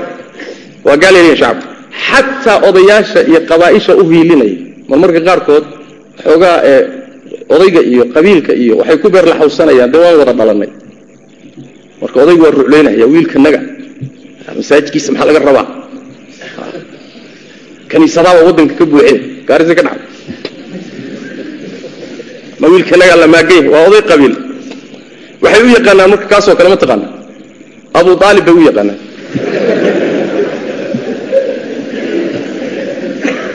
So abu aalib isagoo gaal ah dacwadii nebiga ma garab istaagin. Markaasoo kale waa abu aalib laakiin mushkilada jirta dadkii fahmi maayaan. Marxaladaa marka waxa weeye wax walbay kaashanayaan si ay masaajid u yeeshaan. Soomaaliya iyo hadda meeshan markay joogaan marxalada hadda ay marayaan waa taa iyadaa marka meelo badan bay hadda masaajid ka dhisteen soo oo muuqata. Kismaayay ka dhisteen bari bay ka dhisteen gaarisay ka dhisteen inkastoo yani wax badanay ka hallaabeen. Meelo badan bay hadda masaajid ka taagteen. Rag waaweyn oo ganacsado oo suuqyadan ku jira oo hebel iyo hebel ah baa ka mid ah. Jamaacaadka jira kuwa ugu dhaqaalo roon bay ku jiraan. Xoolaha. Caadi maaha marxaladaa marxalo kalea ku xigta. Marxalada ay higsanayaan oo ah marxalada aan xoogaysanno marxaladaa waa inaan gaalada la dagaalanno marka. Maxaa u laaban marka? Masaladii istixlaalka iyo safku dimaa. Ku arki maysid hadda. Maxaa yeelay weli mayna soo gaadhina way u soo socdaan. Sooma way u soo socdaan. Leanna maadaama ayba rumaysan yihiin dadkeennan inay gaalo yihiin oo masaajidaan ku tukanayno ay kaniisadahoo kale tahay. Ma ninkaasaa hadduu awood iyo xoog helo ku badbaadinayo dhiiggaagu bannaanka wa marxaladaa marka waa marxalo dambe. Waana midda ay meelaha qaarkoodoo ka istaageen ay ka sameeyeen sida maalan jazaa'ir oo kale. Waxaa ka kacday jamaaca takfiir ah oo fikirkaa xambaarsan oo la dhihi jiray aljamaca alislaamiya almusallaxa oo dumarkii caruurtii eber ka dhigay. Saddex kooxood bay ku baxeen oo ciidamo kula baxeen jazaa'ir markii doorashadii la burburiyey oo ay jabhatulinqaad ku guulaysan jirta soo garanaysaan saddex kooxood baa baxay kooxi waxay ahayd nimankii la dhihi jiray aljeyshu lislaami lilinqaad oo jabhatulinqaad raacsana. Cali bnu xaaji cabaas madani iyo qoladaa raacsana. Qolada labaadna waxay ahaayeen jamaaco kaloo dhihi jiray aljamaca asalafiya lildacwa waalqitaal labadaasuba fikirka takfiiriga ah way ka sokeeyeen saas daraaddeed markii dambe xukuumadda iskala heshiiyeen. Laakiin qoladan la yidhaahdo aljamaca alislaamiya almusallaxa waa nimankaad maqasheenee carruurtana gowraca dumarkana waxay doonaan ku sameeya dadkuna ayna u kala gedisnayn maxay xambaarsanaayeen? Fikirka takfiirkay xambaarsaneen lakiin way xoogaysteen qoladanina hadda marxaladaasay gaadhi rabaan. Kuwaasi marka waxa weeye ayaguna cinda jamaahiiri culamaai sunna oo maanta jooga. Altakfiir waalhijra waa mumailka sharciga ah oo khawaarijta maalo waay lanna istaxkamat fiihim usuul wa muwaasafaat alkhawaarij. Wax ka dhiman ma jiro. Kuwaasi marka culimmadu waxay qabaan inay axkaamtii khawaarijta qaadanayaan. Ayib firqada saddexaad. Soo maa labaan soo marnay firqada saddexaad oo wax kaga ta'aurtay afkaarta muxuu ahaayey khawaarijta ama takfiirkaba kooxda saddexaad waa ururka loo yaqaano alqaacida. Tandiim alqaacida tandiimkaasi wax yar baan taariikhdiisa idin siinaya si aad u fahantaan. Tandiimkaasi asalkiisii fikirka fikriyan marka la yidhahdo masar buu ka soo jeedaa. Waxaa halkaa ka yimid masar tandiim la dhihi jiray aljamaca alislaamiya oo madax u ahaa wadaadkii sheekh cabdiraxmaan sheekh cumar cabdiraxmaan ee maraykanka ku xidhan ilaahay tabaaraka wa tacala ka soo daayay. Qolaa ay markii hore wax wada wateen iyay kala infisaaleen. Dowladda masar bay la dagaalami jireen oo dadka booqashada ku yimid ee gaaladaa iyo ciidanka iyo booliiska iyo dadka weynaha wax ku noqda iyo qacday ku hayn jireen dowladda markii dambe way xamili waayeen labay u qaybsameen marka. Aljamaca alislaamiya nimankii la baxay wixii muraajacaad bay sameeyeen wixii waxay arkeen inuusan anfacaynin culimaa u soo baxday ama markii horeba jirtay fikirkii wax badan bay ka noqdeen. Dowladda masar bay dib ula heshiiyeen. Way jiraan hadda. Waxay ka mid yihiin jamaacaadka hadda doorashooyinka gelaya masar mid ka mida waay. Ee magaca salafiga ku imaanaya ayib koox kale waxaa jirtay ka tagtay meesha markay dowladdii xamili weyday oo dhib badan gaadhay ka tagtay oo uu hogaaminayay ninka la yidhaahdo doctor ayman adhawaahiri ayaa hogaaminaya iyo nin kaloo la yidhaahdo isagana rifaaci taha abu yaasir. Waxaanaan sheegayo wax sir oon gaalo u sheegaya maaha dadka qaarkaa waxaa laga yaabaa inay u qaataan wadaadku sirtii islaamka dhan buba gaalada siiyey. Waxa waa axdaaf taariikhiya waay. Waa dhacdooyin taariikhiya. Xogta aan ka haynana waxaa ka badan xogtii gaaladu ka hayso. Soo ma ogidin xogtii gaaladu ka haysaa boqol goor ka badan. Sidaas daraaddeed wax macluumo ahoo islaamka wax yeelayo oo hadda gaala ka faa'iidaysan oo la bixinaya maa laakiin waa macluumaad taariikhda soo maray say wax ku yimaadeen wa ayib markii waxay aadeen marka afghanistan bay aadeen.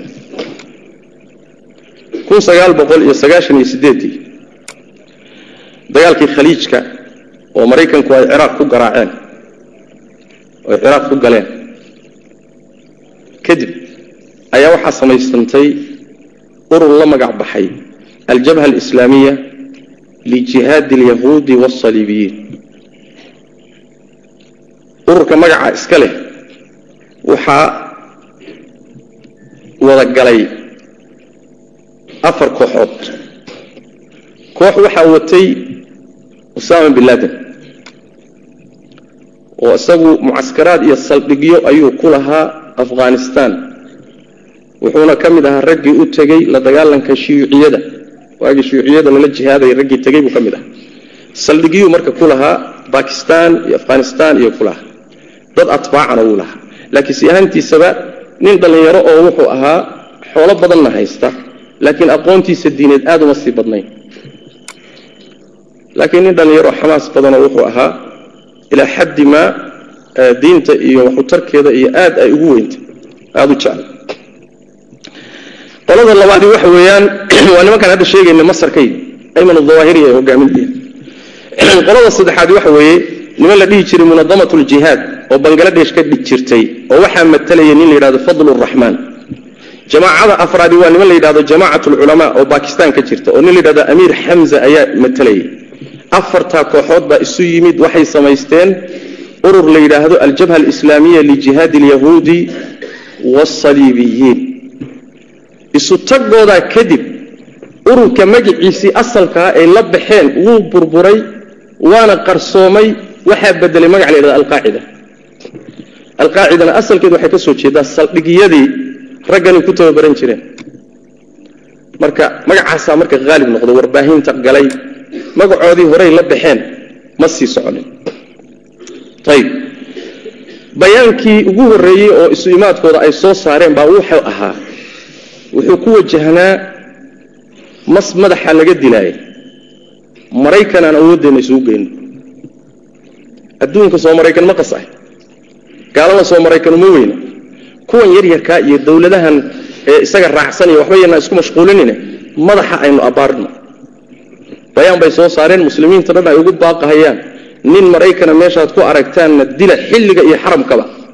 Xoolihiisana qaata. Qodobkaasay soo saareen bayaan noocaas oo kaleeta ayib kadibna waa kuwii bilaabay marka tasarufaadka tasarufaadkii waxaa ugu horreeyey maalan qarxintii safaaraddii nairobi iyo daarasalaam kadibna muxuu ahaayey mudamiradii yeman lagu qarxiyey ahayd. Cool miya cool yani muxuu ahay safiinadii xarbiga. Waxaa ku xigtay kadibna labadii daaroodee mataamaha ahaayee maraykanka lagu qarxiyey. Halkaasay marka ka bilaabatay. Waxaa bilowday marka waxa loo yaqaano aljihaad alcaalami ضد اليهود والنصارى والصليبيين والنصارى الصليبيين جهادك عالمي قاعد بلوده marka halkaas ku wajahay waa sida iyagu marka ay wax u dhigaan arinta aan doonayo marka inaan idin sheega waxay tahay oo muhiimka ah intaasoo jamaaco isu yimid jamaacada fikriga wadatay oo qiyaadaadka aada u dhisanna wadatay fikri na wadatay waxay ahayd jamaacyadii dawaahiri usama bin laadin wuxuu la tegey xoolo. Nimankanina waxay la tageen rag iyo manhaj. Soo ma rag iyo manhaj. Haddaad marka rabto inaad ogaato fikirka alqaacida xaggeen ka akhriya qoladii masar dowladda la dagaalamaysay fikirkoodii akhri. Fikirka qaalida halkaasu ka soo jeedaa marka. Halkaasaa marka waxaa ka imaanaysa in ay ku jireen oo culimmadu ku tilmaameen oo dadkii yaqaanay ku sheegeen huluwi fara badan.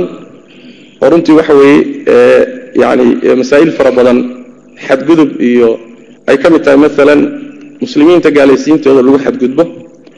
Ay ka mid tahay maalan dhiigga muslimiintaoo la fududeeyo meelo badan la iska qarxiyo aan loo aabayeelin ay ka mid tahay maalan culimmadoo lagu diro da'yarta.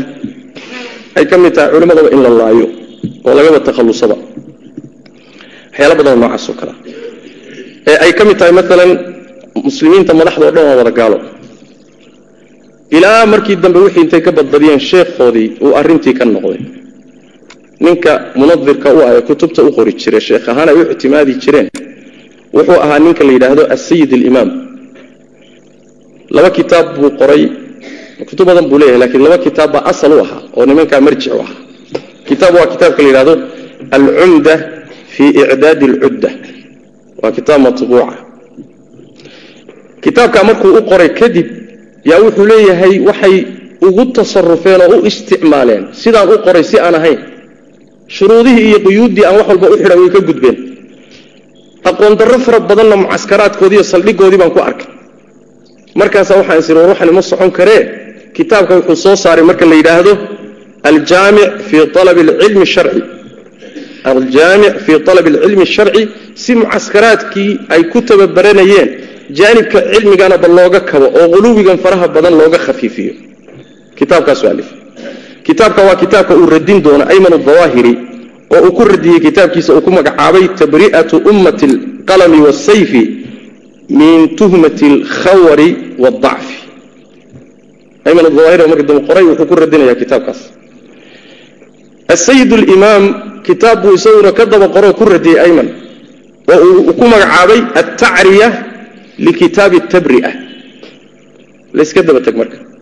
Sheekh iyo ardaygiisi waa asaasta ninkan sayid alimaamka la leeyahy hadda waa xidhan yahay. Faka allahu asrahu ilaahgaas ha soo daayey. Waa xidhan yahay hadda. Laakiin wuxuu ahaa sheekhii dawaahiri buu ahaa. Sida ninka la yidhaahdo usaamaba sheekhiisu uu ahaa muusa alqarani. Muuse alqarani mataqaana muuse alqarani waa nin oo sacuudi ah oo jaamacadda waagaan dhigan jirnay ka ahaa ustaad kuliyat shariican malinaya qism lusuul macallin ka ahaan jiray. Ninkaasaa la dhihi jiray sheikhu usaama.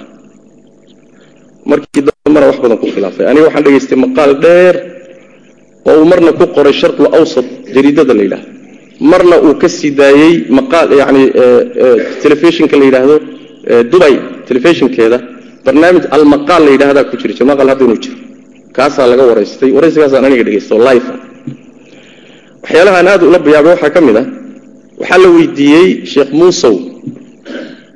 Aad waan aqaanaani shaksiyan baan u aqaanay adiga dagaalkii afghanistan iyo wixii ka dhashay iyo ninkan sheekha aad u tahay iyo waxaan aad baad u taqaanaa. Waa xidhan yahay hadda sacuudigu xidhan yahay aad baad u taqaanaa bale. Hal su'aal baa la weydiiyey waxaa la yidhi ninkii la dhihi jiray cabdalla cazaam yaa dilay. Cabdalla cazaam soo garanaysaan? Ninkii lafdhabartoo ahaa muxuu ahaa jihaadkii afghanistan. Caleyh raxmat ullah yaa dilay baa la yidhi. Wuxuu yidhi aniga qanaacadayda iyo macluumaadka aan hayo qaacidaa dishay buuri sheekh ka fiirsaa la yidhi warkaa isaga? Ka fiirsi ma la yidhi warkaa isaga? Waa hubaa buuri aniga maalinkaa aad baan ula yaabanaa urub islaami oo jihaadaya caalim dili warkaas ima gashanayn. Laakiin wax badanoo ka dambeeyey markay dhaceen warkaasi dib baan ka rumaynahaya inuu dhici karo. Marka taariikhdaa dheer bay soo martay. Meeshaasaa marka fikirku uga yimid nimanka la yidhaahdo alqaacida afkaar quluwi ku jiro oo dimaada iyo ku saabsan diinta iyo muslimiinta iyo baa ku jira. Ayb. Intaa markaan kaga soo gudbo waxaa fikirkii alqaacida qaatay isla fikirkii alqaacida waxaa qaato ku ta'auray xarakaadka xubinka ka noqday alqaacida intooda badan. Silsiladaa aada u fahma. Silsiladaa aada u fahma. Xarakaadka waxaa ka mid ah kuwo xubin ka noqday iyo kuwo alqaacida iska taqliidiyey oo xubin ka ahayn oon xubinnimo la siinin. Laakiin afkaarteeda iyo dhaqamadeeda iyo tasarufaadkeeda intay fiiriyaan iska taqliidinhay o iska raacay. Kulligood fikirkiibay si duuduban u qaateen ayagoon waxba ka reebin. Waxaa ka mida ururada iyada ah xarakatu shabaab almujaahidiin leesh lianna waa xarako ka mid a alqaacida soo ma horaanna afkaartooda bay tabanin jireen. Gadaalla de oo kuwa cadaystaba inay ka mid yihiin. Sidaas daraaddeed huluwigii alqaacida ku jiray oon waxba laga sifaynin oon waxba laga reebin iyay fikirkii sidiisii u qaateen. Hadday qaateenna maxaa ka dhashay? Waxaa ka dhashay waxa aan ognahay. Waxaa ka dhashay waxaan ognahay. Tafaasiisha sii geli maayo waan sii sheegay. Oo qodobadaasi dadka oo lagu gaalaysiiye waxaan gaalnimo keenaynin dawaabidii loo dhigay masalatu takfiir oo la fududeeyo.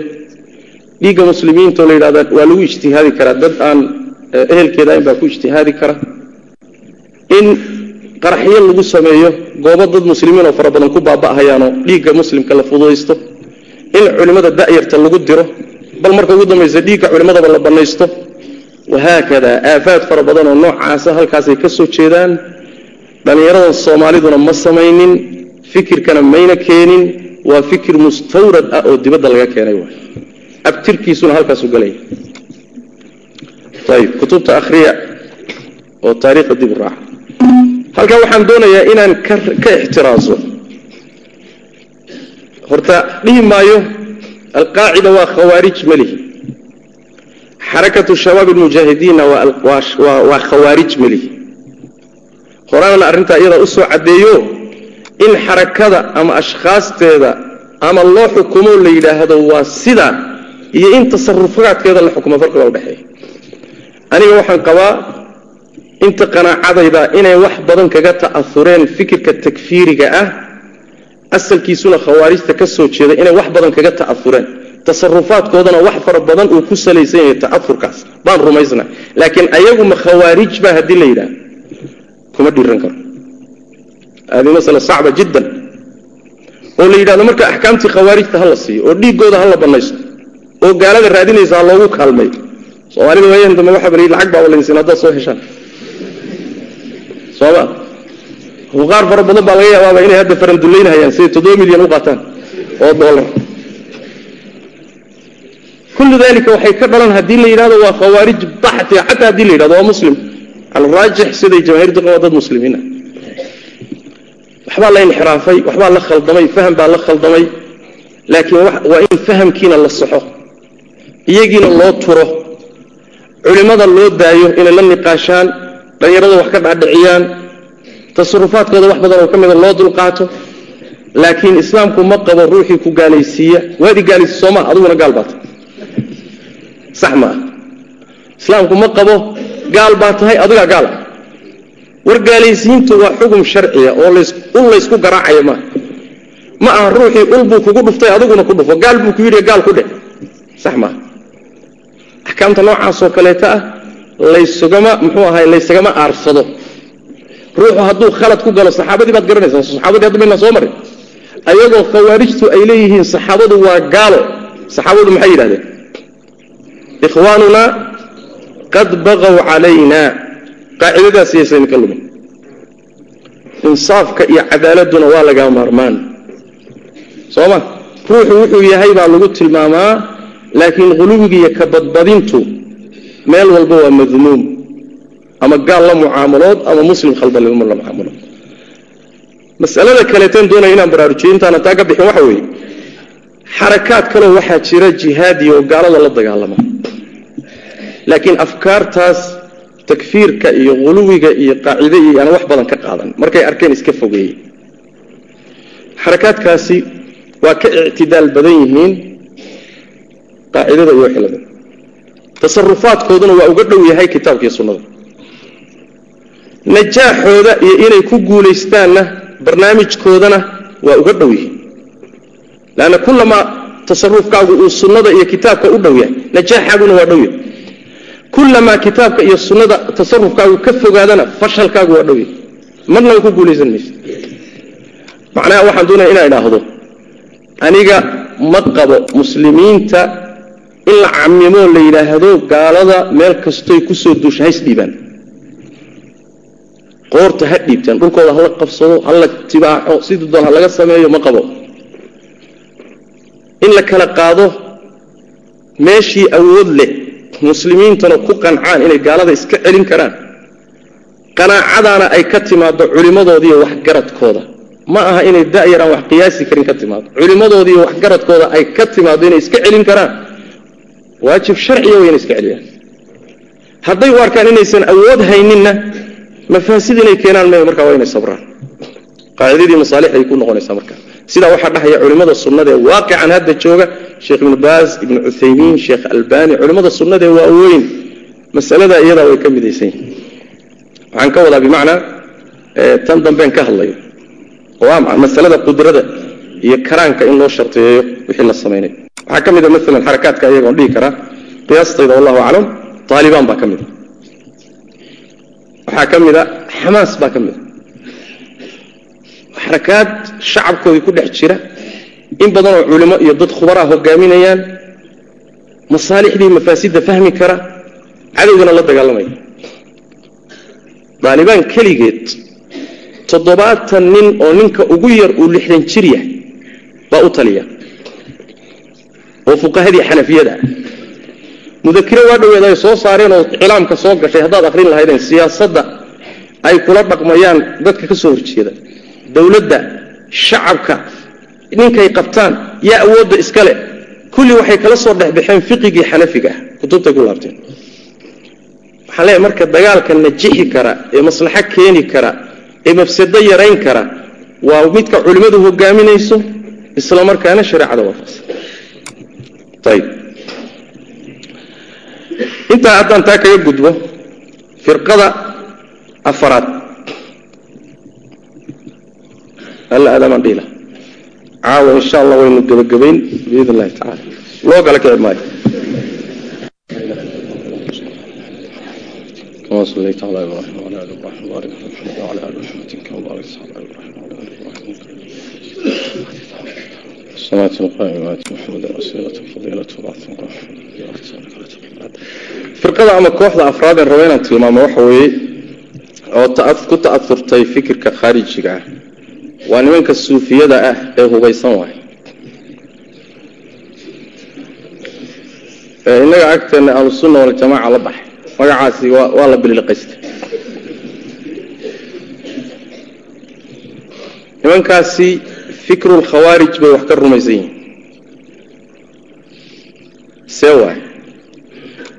Shirkiyaadka kale waa u dheeryihin shirkiyaadka kale oo qubuurtoo la caabudo iyo maxay ahayday muxuu ahaye ilaahay cid aan oo kaalmo laga raadsada iyo awliyada wax laga doonto iyo waxaas waa u dheeryihiin shirkiyaadkii kale waa u dheeryihiin waxaa kaloo u dheer bacduljawaanib murji ay ka yihiin oo dariiqooyinka irjaagaa soo gaadhay. Haddana intaa waxay ku dareen fikirka takfiiriga. Ayib xaggeebaa takfiirku kaga jira khaasatan ma wada aha. Dariiqooyinka marka la kala qaado niman la dhihi jiray rabiiciyo? Miyaa taqaanaa?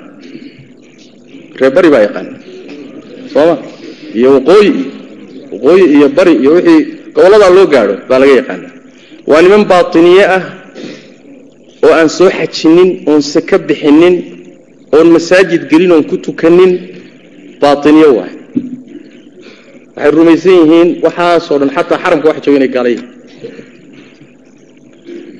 nimanka iyaga ah waa qolo. Qolada labaad waa qolo qaadiriye oo xag jira. Inta qaadiriyada ku abtirsata laba nooc waa niman qaadiriya cilmiya la dhihi jiray oo waa raggii uun dariiqada uun isaga abtirsan jiray laakiin kutubta akhrin jiray oo minhaajka iyo naxwada iyo kutubta iyo rag culimaha baa ka soo baxay meeshaas. Ragna waa ragga dariiqooyinkii xag jirka ah oo xadradu diinta u tahay. Kuwa iyaga ah ayaguna waa hullaad xaggee takfiirku ka galay marka. Ayagu waxay gaalaysiiyaan wax alla wixii ahlu tawxiid iyo sunno ah. Oy u yaqaanaan wahaabiyo. Waa gaalo agtooda sidaas daraaddeed dhiiggood waa u bannaanyah oo gaalay ku xukumayaan masaa'il aan diintaba ka mid ahayn haddaad inkirtana gaal bay kaa dhigayaan.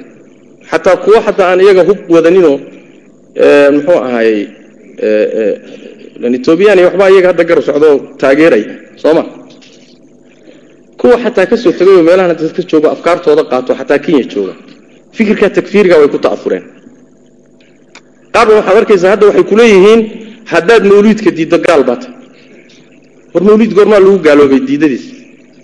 Qaar waxay ku leeyihiin xadrada ma ogoli soo maaha gaal baabata. Qaar waxay ku leeyihiin salaada gadaasheeda haddaad ducayn weyda gaal baata qaar waxay ku leeyihiin salaada subax haddaad qunuudi weyda gaal baata waxay ku haddaad bisinka hoos u akhrido gaal baata waradeero waxyaalahani wax lagu gaalooba ma ahee waxna wax diinta ku jiraba maaha waxna waa waxay fuqahadii culimmadu isku khilaafeen oo raajix iyo marjuux u qaybay maya gaalaad tihiin. Wabitaali waxaa ku xiga dhiigoo la banaysta iyo baddaas. Fikirka iyo nascada takfiirka marka waa ku jirtaa suufiyada hubaysan iyo wixii fikirkooda wata ee etoobiyaanku la socdaana ay difaacayaan waa fikirkooda iyagana nooc waxaa ku jira takfiir nasca takfiiriya iyo balaayo kaleo qabaan qolada ugu dambaysa oo ka mida dadka ku ta'auray afkaartaas waa qolo inala joogta. Waa nimanka la yidhahdo daarulxadiid oo uu sheekh xasaan sheekh u yahay.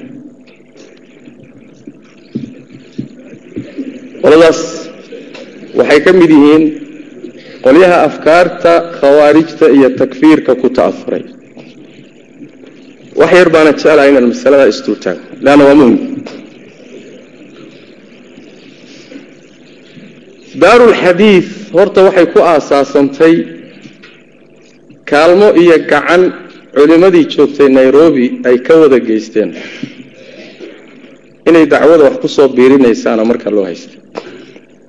Kadib waxay bilaabeen walaaluhu inay la keli noqdaan masaa'il mucayan ah waxaa la bilaabay oo culimmadu bilaabeen in lala kulmoo la yidhaahdo war masaa-ishani qaabkaad u wadaan meahee ka daaya ma najixin kadibna waxay gaadhay inay bilaabato masaa'il oo ah ruduud cilmi ah oo dhex marta ayaga iyo khaasatan sheekh xasaan iyo sheekh maxamuud shible silsilad aada u qiimo badan bay ahayd. Soomaalidu way dhibsatay laakiin silsilad cilmiya. Silsilad cilmiya. Soomaalida buuq baa kacsan iyo belaaga kacsan baa la dhihi mugta war cilmigan haddaad ka faa'idaysan kartaana ka faa'idaysta wadaadada niqaashkooda. Haddaydaan xamili karin dee iska iibsada iyo dukaamada. Culimmadu waa niqaashi jirtay waana la wada hadli jiray laakiin waxaa edab darro ah in laysku xadgudbo. In lays caayo lays aflagaadeeyo khusuumada jawr la sameeyo taasaa edab darro ah laakiin niqaash edabso afkana ilaasho ayib ruduuddaasi runtii waxay dhashay uun inay daarulxadiis sheekh xasaan sheekh u yahay raggii xertiisa ahaa khaadimiinta u ahaa inay ka sii daraan waxay noqotay marka balaqa saylu zuba ay dhaaftay geeska qabo in badan waxaan ka warwareegay in aan runtii si calanan ah oo magacaabis ah aan u radiyo ama uga hadlo masaa-isha qaarkood min baab maa baalu aqwaamin unan ku jeclaa maa baalu aqwaamin. Laakiin hawshu marbay dhaafi maa baalu aqwaaminoo ay u baahan tahay in farta lagu fiiqo la yidhahdo hebel.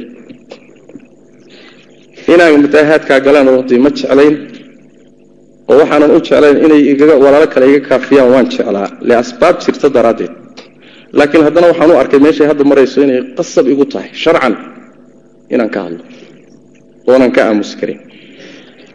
Uma jeedo inaan ninna qadxiyo sharaftiisa iyo reerkiisa iyo cirdigiisa iyo maalkiisa midna uma jeedo. Laakiin waxaan ula jeedaa min baabi nasiixa. Ummaddu inay ogaato wixii khalad ee diinteeda halis gelin karaan baraarugto leanna iyadaa raasamaal ah shaksiga ee ashkaasta iyo kooxuhu raasamaal ma aha.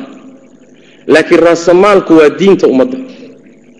In la difaaco oo la yidhahdo war waxaa waa khaldan yahay iska jirana waa laasim sharciga oo culimmada saaran mas'uuliyad saaran wey macana waxaa la isweydiin karayaa intaan la keenin maxfalka. Maxaa hawsha hoos loogu xallin waaya oo wadaadow. Intaydan caamada hor imaanin maxaad meelahaas luuqluuqyada ugu soo wada hadli weyden taa anoo ka jawaabaya waxaan leeyahay in alle intii qadiyadaasi jirtay hadda aan ka hadli doono gooni ula hadalkiiyo naseexadu way socotay. Mid fardi ah iyo mid jamaaci ah labadaba. Waxaan xusuusnahay hal fadhi ah oo lix mise toddoba ninoo culimo ah. Sheekh xasaan intaan ugu yeedhnay kula hadalnay lix mise toddoba. Anigaa ka mid ahaa sheekh shiblaa ka mid ahaa sheekh maxamed sheekh cusmaan baa ka mid ahaa waxaa ka mid ahaa sheekh maxamed qaasim baa ka mid ahaa sheekh xasan ashkir baa ka mid ahaa. Waxaa ka mid ahaa sheekh maxamed cismaan calesow baa ka mid ahaa. Sheekh maxamed maalin guurkii waxaa ka mid ahaa. Magaalada kismaayo. Waxaan kala hadlaynaa warniyahow jidkan aada hayso. Waa jid khataro inxiraafee sheekhow maad ka daysa guriga sheekh shiblaan markaa ku kulannay bacda salaati subx sheekh shibliyi isagu intayna ruduudda isku bilaabin bay ahaayeenoo markaa saaxiib bay ahaayeen si aan loogu qaadanin wadaadka malaha. Nina ishayaan gurigiisaa lagu shirqoolay kadibna waxaa dhacday in uu sheekhu hadalkii culimmadu u jeediyeen iyo niqaash yaroo masaa-isha qaarkooda. Markii ka jawaab la yidhi wuxuu yidhi waxaad iigu yeedheen waa shirqool. Waa shirqool. Waxaan ka wadaa marka inay dhahdo naag umulisa ah iyo nin weynba say wax u ogyihiin uma sheegaana wax badan baan reebiye laakiin waxaan doonayaa inaan idin idhaahdo muxaawalo noo laaban oo aan is leeyahay si guud ama si gaara arrintaa si hoose wax looga qaban karay ma jirto. Tafaasiisheedana waan ka soo gaabsan. Ayib kooxdaasi daarulxadiid iyo sheekheeda sheekh xasaan waxyaabaha ay ku dhaceen rabaa marka ee ay ka shabaheen takfiirka ama khawaarijtiiba ay wax ka mida ay ka qaateen ama ay kaga ta'aureen waxaa ka mid a takfiiru lmuslimiin bima laysa bimukafir asalkii ugu horreeyey ee khawaarijta aan ku sheegnay muxuu ahaa? Muslimiinta waxay ku gaalaysiiyaan waxaan gaalnimo keenaynin tusaalayaal baan idin siinaya way fara badan yihiin laakiin dhowr xabbaan kaga soo gaabsanaya waxaa ka mid a maalan muslimiinta in lagu gaalaysiiyo masaa'il ijtihaadi ah oo in laysku gaalaysiiye iskaba dhaafe xataa in dembi laysku xukumo ayna bannaaneen in xataa laysku tafsiiqiyo ayna bannaaneen masaa-isha ijtihaadiga ah ninka mukhaalifkiisa ku gaalaysiiyana manhajkii iyo ariiqii salafka waa khilaafsan yahay. Miaal baan idin siinaya marka. Miaalku waxa weeye maalan wuxuu gaalaysiiyey oo muxaadaraadkiisi ugu dambeeyey sheekhu diinta kaga saaray jamaacada la yidhahdo jamacat lictisaam masaluu ku gaalaysiiyey masaladuu ku gaalaysiiyey waxa weeye waxay manhajkooda ku qoreen. Majaalista baarlamaanku tashriic ahaan waa shirki laakiin ka qaybgalkeedu xurmatan wa xillan wujuuban waistixbaaban waxay ku xidhan tahay maslaxada. Inuu ruux ka qayb galo ama loo doorto mas'alo gaalnimoa ma ahee maslaxay hadday keento loo arko way bannaan tahay. Halkaasuu sheekhu marka intuu qabtay baa wuxuu yidhi waxay taqriiriyeen inay gaalnimo tahay. Haddana waxay taqriiriyeen in gaalnimadii maslaxo loo geli karo. Labadaa qodob ninka isa saarana waa murta diinta ka baxay dhowr qool buu keenay mas'alada ictisaam keliya ma qabo jamaahiiru ahli الsunna waاljamaca fi hada alcasri baa qaba xarakaadka islaamiga ee salafiga mucdamkooda qaba majaamicda fiqhigaabaa qabta sheekh ibnu baaz iyo ibnu cuthaymiin baa qaba a'immada sunnada ugu waaweyn baa qaba masale casriga oo waaqicoo taagan waay haddii culimmadii sunnada iyo tayaaraadkii sunnadu ay halkaa mareen oy leeyihiin way bannaan tahay ama ma bannaana limasaalix laysku khilaafsan yahay. Intaan masalada akhrinaya ma arkin nin dhahaya mas'aladaasi ninkii baarlamaanka gala amaba kugu khilaafsan mas'ale ahaan waa gaal diinta ka baxay. Weli way ii laaban tahay. Waa gaal diinta ka baxay weli way ii laaban tahay. Waxaa ka mid a hadalladii culimmadu dhihi jireen ha ka hadlin mas'ale aadan imaam u haysanin. Cid kaaga horreeye raadi. Sheekhana aad bay ugu badan tahay masaaisha noocaasa een uusan u haynin cid uga horraysa ee isagu uu madaxa ku dhufanayo ilaahay amarkii culimmadii hore waxay dhihi jireen shay walaalkaa ha ku ceebayna maxaa yeelay adiga ayaa marka dambe lagugu ibtilayn doonaa. Ya adaa lagugu ibtilayn doonaa sheekhu isma ogeyn. Markuu akhrinayay adab almufradka ayuu mas'alada tabtaa u taqriiriyey. Shaygaa hadda uu ictisaam ku gaalaysiiyey lafteeduu saa u taqriiriyey. Wuxuu yidhi majaalista tashriica iyo tashriicinta waa gaalnimo. Laakiin in la galo waxay ku xidhan tahay maslaxada maslaxaday ku xidhan tahay haddii maslaxo loo arko way bannaanta. Daliil buu keeno wuxuu u keenay qisadii nebiyullaahi yuusuf calayhi wacalaa nabiyina salaatu wasalaam labadii qodob ee ictisaam uu ku gaalaysiiyey labadii tiirba sidiibuu u sheegay. Oo ah inaad gaalnimada qabto tashriicinta haddana aad tidhaahdo lilmaslaxay u bannaan tahay. Labadaa qodobba haddaad qabto gaal baa tahay. Muxuu ahaayey su'aashu waxay tahay marka hadday ictisaam gaalo yihiinna sheekh xasaan wuu isgaalaysiiyey. Haddayna ictisaam gaalo ahaynna sheekh xasaan tiisa isagaa qirtaye wuxuu kaga jawaabi lahaa buu baahan yahay. Laakiin aniga waxaan doonayaa inaan taqriiriyo inay mas'aladaasi tahay ghuluwi iyo xadgudub iyo takfiir masaa'il aan laysku gaalnimo keenaynin dad muslimiin oo ducaad iyo culimo a lagu takfiiriyey wixii uu kaga jawaabo tuu isagu sameeyey unbaa ictisaamna looga jawaabiy hadduu jahli ku cudur daarto ictisaamna waa loogu cudurdaari hadduu ta'wiil ku cudur daarto ictisaamna waa loogu cudurdaari hadduu ka soo noqdo ictisaamna gaalaysiintaasaa ka soo noqdo. Hadduu ku adkaysto inuu isgaalaysiiyey meeshuu ka gelila baa loo baahanya sooma leanna shaygii aad ku gaaloobaysay laftiis dad ku laftiisa haddaad gasho waxaan idinku darayaa sheekha madhabkiisu waxa weeyaan saan u tegi doono jahlina looguma cudurdaaro masaa'il aahira ninkii mukhaalafo ku dhaca jahlina looguma cudurdaaro ta'wiilna looguma cudurdaaro isaga ra'yigiisa marka la qabto marka jahli hadduu u geeyeyna inaan laysugu cudurdaaraynin buu qabaa hadduu ta'wiil u geeyeyna inaan laysugu cudurdaaraynin buu qabaa natiijada ka imaanaysa maxay tahay gaalnimo aadan cudurdaarkeeda haysanin baad ku dhacday. Madhabka ayaa qaba kayga ma kayga ma. Laakiin waxaan taqriirinayaa sheekha fikirkuu dadka ku gaalaysiiyey buu qaba waa mid. Waxaa ka mid masalada masaasha iyada in dadka cudri iyo jahli loogu cudur daaro fi lmasaa'il aldaahira wuxuu qabaa sheekhu jahli hadduu u geeyo masaa'il daahira mukhaalafadeedana waa mucaanid. Hadduu ta'wiil u geeyana waa mulxid wuxuu yidhi murtada. Haddaad ta'wiil ugu dhacdo masaa'ilu daahira oo kufri keenaysa haddaad ta'wiil kuu geeyana waxaa tahay mulxid haddii jahli kuu geeyana waxaa tahay mucaanid. Waxay khilaafsan tahay ijmaacu salaf ijmaacu salaf waxay qabaan jaahilka iyo muta'awilka inuu macduur yahay.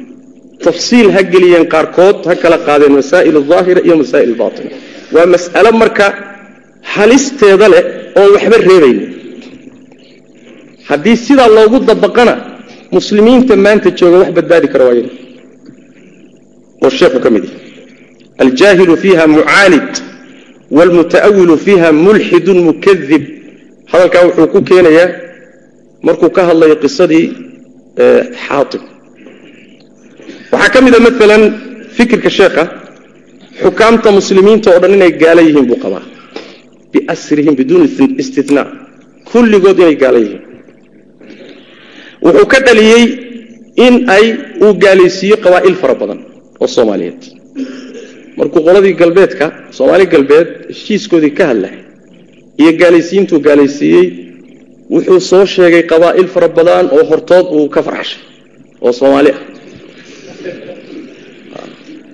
Qabaa'il xerada laga saaray wuxuu ka sidoo kaleeta uu ka hadlay mujtamacaadka xukuumaadka hoos joogaayey inay suuroobi karto gaalaysiintooda xataa xukaamtay hoos joogaanba yaysan la caqiido noqonin.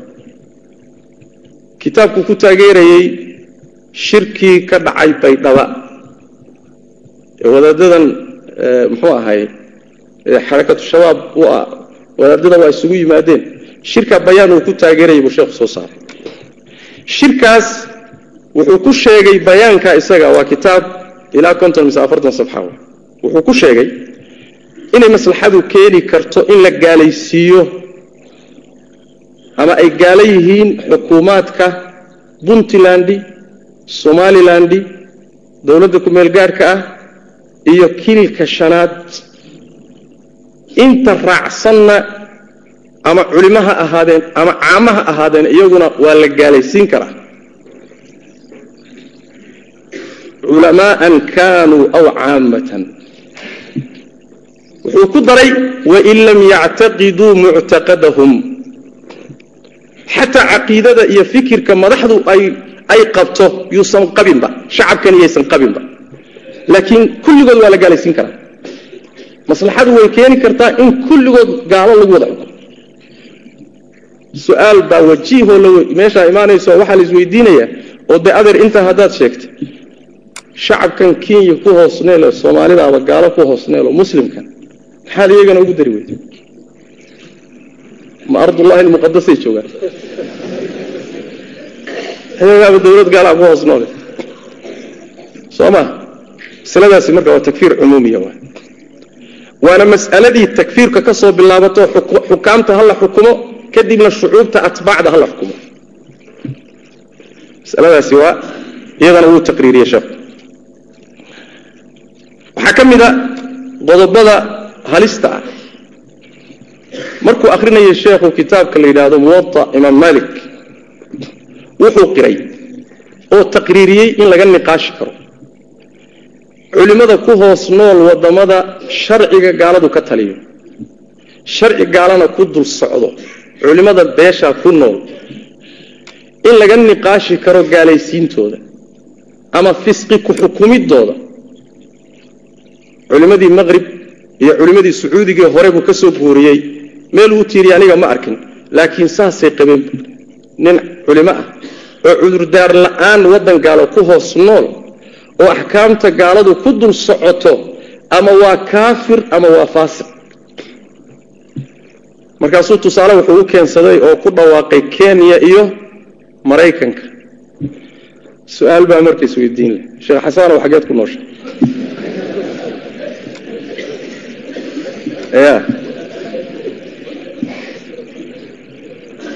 haddaad waddamada culimmada ku hoos noole ay faasiqiin yihiin ama kaafiriin yihiin ku hoos nooshahay xukunkaasna uu ku qabanayo oo aysan ahayn alkayl bimikyaalayn oo la jiifiyaana bannaan aysan ahayn su'aasha taallaayo waxay tahay ma faasiq baad tahay mise gaal baad noqon mise masaladaa kaa khaldantay waa su'aal u baahan inuu ka jawaabsho. Halisna ah taa markaad ku dartaan sheekhu wuxuu qabaa adduunka xukuumadaha ka jiroo dhan waa wada gaalo. Nidaamka ka jirana waa wada gaal. Maxaa ka soo baxaya marka?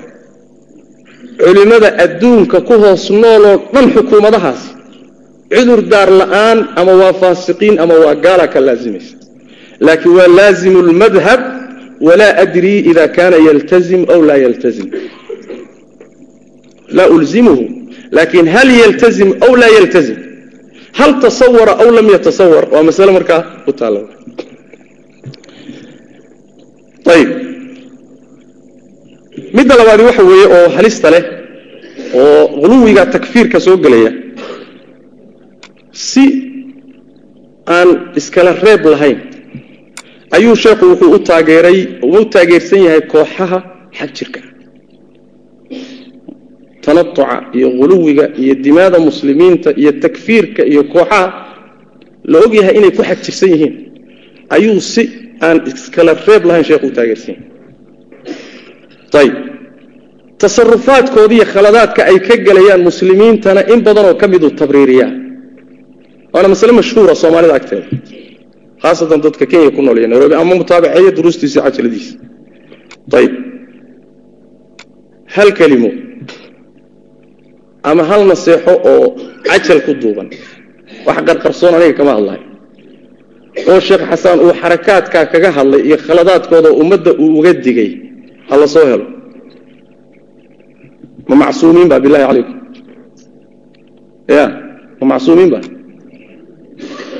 khaladaadkan la gelayo hadday masaladu tahay waxaan uga aamusnahay gaalaa ka faa'iidaysanaysa naqdigayga asxaabu rasuulillaah iyo rasuul alle jihaadkiisii soo allah tabaaraka wa tacaala in badan kuma sheegin war khaladkaasaad gasheen khaladkaasaad gasheen soo qur'aanku ma tasxiixinoo kama hadlin khaladaadkii jihaadka ay gelayeen saxaabadu oo soo gaala kama faa'iidaysanayso masaladaasi waa cudurdaar baarid ah waa ictidaar baarida waa saxna maaha ee waxaa sax ah fikirka iyo mabda ah wax lagu samaynayo baa wuxuu yahay fikirkii iyo mabdii sheekhu ku qanacsanaa saas daraaddeed waa waxaad adigu samayn kari weyday ma laguu sameeyey waay xaqiiqada waa ta waxaa ka mid ah arrimada takfiirka iyo quluwiga uu sheekhu ku samaynaya ka muuqda hadalka caanka ee uu ka yidhi sheekh cumar faaruuq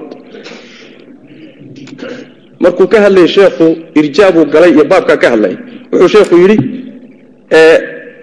haddii aan hubi lahaa inuu caqligiisu joogo markuu hadalkaa ku hadlaay haddaan hubi lahaa oon hubsan lahaa waxba ilama ahaateen inaan gaalaysiiyo sheekh cumar faaruuq waxba ilama aha ayib waxaa ka mid ah sheekhu wuxuu qabaa oo kutubtiisa qaar ka mida uu ku qoray inay bannaan tahay mujtamaca muslimkaee kenya in la gaalaysiin karo cidda gaalaysiinaysa hadduu ehel u yahay walow jus-iyan xataa ta'ahul jus-iba ha noqdo hadduu ehel u yahay shacabka kenya ku noole sooma ee muslimka o dhan waa la gaalaysiin karaa. Xataa ta'ahul jusiya wuxuu u yaqaanaa mataqana sheekh wuxuu u yaqaanaa inaad waxoogaa mas'alo masaa-isha ka mida isagaaba qeexayba wuxuu yidhi markuu mujtahidka ka hadlay mujtahid maxaa lagu noqdaa? buui mujtahid waxaa lagu noqdaa buu ihi inaad naxwada ajruumiga ka taqaano o fi kitaab kaloo ku daray oo iska kutubta ibtidaa'iga usuululfiqigana aad ka taqaano nadmulwaraqaadka mustalaxulxadiidkana aad ka taqaato nushatu nadarka. Axaadiistana aad ka taqaanood akhrisatay mishkaatulmasaabiixa ama sunan abi daawuud. Aayaadka qur'aanka ee axkaamta ka hadlayana aad meeshooda garan karto intaa haddaad hesho mujtahid baa tahay yaan lagu tiitiilayna waa mujtahid. Dadku soo mujtahidiin wada noqon maayaan. Dadkaa way dadka muta'ahiliintae marka la leeyahay haddii lagu fasaxo oy u arkaan shacabka kenya joogee muslimka inay gaalo yihiin go'aan way ka gaari karaan. Ninka mutaahilka ee mujtahidka waa cinda sheekh hadalkaas isaguna waa hadal sugan macana qodobka kaleete ee jeclahay inaan iyadana baraarujiyo sheekha ka mid ah ee muxuu ahaayey waxyaalaha nasacaadka uu ku waafaqay takfiirka ama khawaarijta dhiigga muslimiinta oo la banaysto cumuuman wa khusuusan dhiigga culimada. In badanoo qabaaisha soomaaliyeed ka miduu dhiigooda baneeyey ma rabo inaan qabiil iyo qabiil si aanan xasaasiyadu abuurin. Laakiin qabaa'il fara badanoo caan ah buu dhiigooda baneeyey wuxuu baneeyey in culimmada loo yaqaano salafiya aljadiida in la laayo ayuu amray. Ma taqaanaa salafiya jadiida culimada loo yaqaano? Lamayna bixin iyagu laakiin dadka u yaqaan. Soo ma? Waa culimo akhyaar ah oo anugu aan aada u aqaano qaar badan oo ka mid a oo muxua culimmadii sunnada iyo tawxiidka u soo nusraysay ah. Mulaaxadaad iyo masaa'il aan ku kala aragti bedelanahay waa jiraan shaksi laakiin kama baxayso masaa-ishaasi ahlu sunnuhu ay isku khilaafsan yihiin kama baxsana. Khiyaar fara badan iyo culimo iyo waxaa ku jira dad aan muxuu ahaay aadan aadan tasawuri karin hebel iyo hebel maanta haddaa ku dhawaad la yaabaysa. Ragga noocaasoo kale ah ha la laayo baan amar ku bixiyey buu yidhi sheekh xasan xaggee buu ka leeyahay fadhigaan hadda idiin soo sheegay ee toddobada lixda culimmada aan ku fadhinay. Buu hortannada ka yidhi amar baan ku bixiyey raggaa laaya raggaa laayaan amar ku bixiyey yaa kariim oo maxaad u laynaysaa? Wuxuu yidhi waxaa loo laynayaa lianna man laa yandaficu fasaaduhu ilaa bilqatli qutila. Fasaad bay wadaan oo jihaadkii bay ka hor jeedaan. Haddii fasaadkooda si kale uusan ku dhammaan karinna dil mooye waa in la laayo. Waxbuu meeshaas ku darta aniga markaa majliska aad baan u xanaaqay oo waxaan isku dayey bal inaan waxoogaa niqaasha sameeyo laakiin culimmadii joogtay baa waxoogaa iska jeclaatay in la soo yaro uruuriyo waa xilli hore. Waxaa ka mid a maalan wuxuu baneeyey jamaacat lictisaam dhiiggeeda ayuu baneeyey gaalnimadeedaba hadduu soo xukumay dhiiggeedana waa baneeyey jamacat lictisaamna rag aad u fara badanoo haddaydan garanayninoo culimo abaa ku jira oo halkanna culimo ka ah soomaaliyana culimo ka ah dibadaha iyo qurbaha la tegeyna dadka ugu badan ee soomaali ka daba tegay maraakista u sameeyey waa xarakadaas wa aniga ma dhahayo macsuumiin wey khaladaad way yeelan karaan. Sooma ka hayrihi min alxarakaat waljamaacaat laakiin jamaaco cariiqa waay horeyna itixaad loo dhihi jiray. Nimanka noocaasoo intaasoo culimaa iyo intaasoo atbaaca iyo intaasoo dalabatulcilmiya dhiiggoodu waa bannaan laaya. Waana gaalo murtadiina daa'ifa murtada wey waa masalo ayadana nin ku dhiiraday uu aada u geesiya ficlanna fataawidaasi waxay sabab u noqotay in culimo soomaaliya joogta lagu laayo. Oo la fuliyo fataawidii fataawidii in la fuliyo. Nin culimadaa ka mid oo raggii ugu caansanaayoo la dilay ka mid ah raggii dilay. Shan nin oo qayb ka qaatay dilkiisa. Oo qaar ka mida aan dhegaystay iyagoo qiraal bixinaya waxay yidhaahdeen markii amarna la soo siiyey sheekha dila ayaa raggii qaar ka mida qaadan waaye seen ku dilaa markii dambe waxaa naloo shiday bay dhaheen cajalad uu sheekh xasan leeyahay oo uu leeyahay sheekhu dila. Kan wax dilayana waa mujaahid kan la dilayna waa shahiid markaasaan ku qancna bay dhaheen fatwadaa iyada ah inaan sheekha dillo. Maaha laygama sheekaynayo waa maqal toosa waay. Ma aha dariiq kale ima soo marin marka fataawidan islayska tuurahayo culimmada laaya waa la fulin rag baa fushanaya rag marka horeba aan fataawiba kaaga baanayn hadday wadaad waxoogaa u bidhiimiya hadday helaan. Hada wabilahi tawfiiq yaasee dembiga qaadayo. Wuxuu fatwooday sheekhu marar fara badan qaraxiyada dad badan oo muslimiinta dhiiggooda ku daadanhaya inay bannaan yihiin arwaax fara badanna ay ku tegayso isaga oo yani waxa weeyaan shuruudii xataa culimmada qaar ka mid oo qaba masalada tafjiiraadka shuruud iyo quyuudday u dhigeen inayna ku dabaqnayn iyadoo xaqiiqo ay tahay. Yuu haddana tafjiiraadka baneeyey oo dhiig fara badan iyo ummad badan ku baaba'ayso.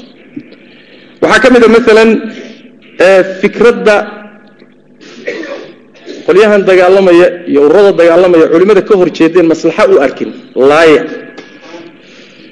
Kullu dalika waxay ku salaysan tahay qaacidadii sheekha ee ahayd alqaatilu mujaahidun waalmaqtuulu shahiid.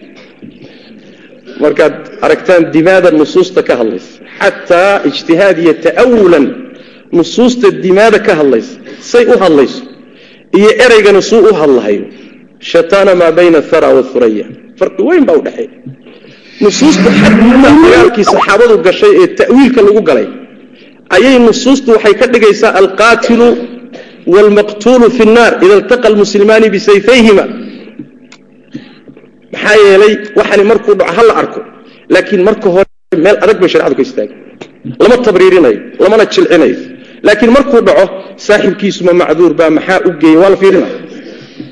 Laakiin marka horeba in fataawi noocaasa la bixiyo la tabriiriyo. Masale halisteedana waxaa kaleeto iyadana ka mid ah waxyar iyo dulqaata insha allah taala waqtigaaba yar dheeraade lakin wax yar dulqaata mawduuc runtii muhima waxaa ka mid a sheekha muxuu ahaayey arrimaha mulaaxadaadka khatarta leh ee manhajkiisa ku jira waxa la dhihi karo alidiraab almanhaji wاtanaaqud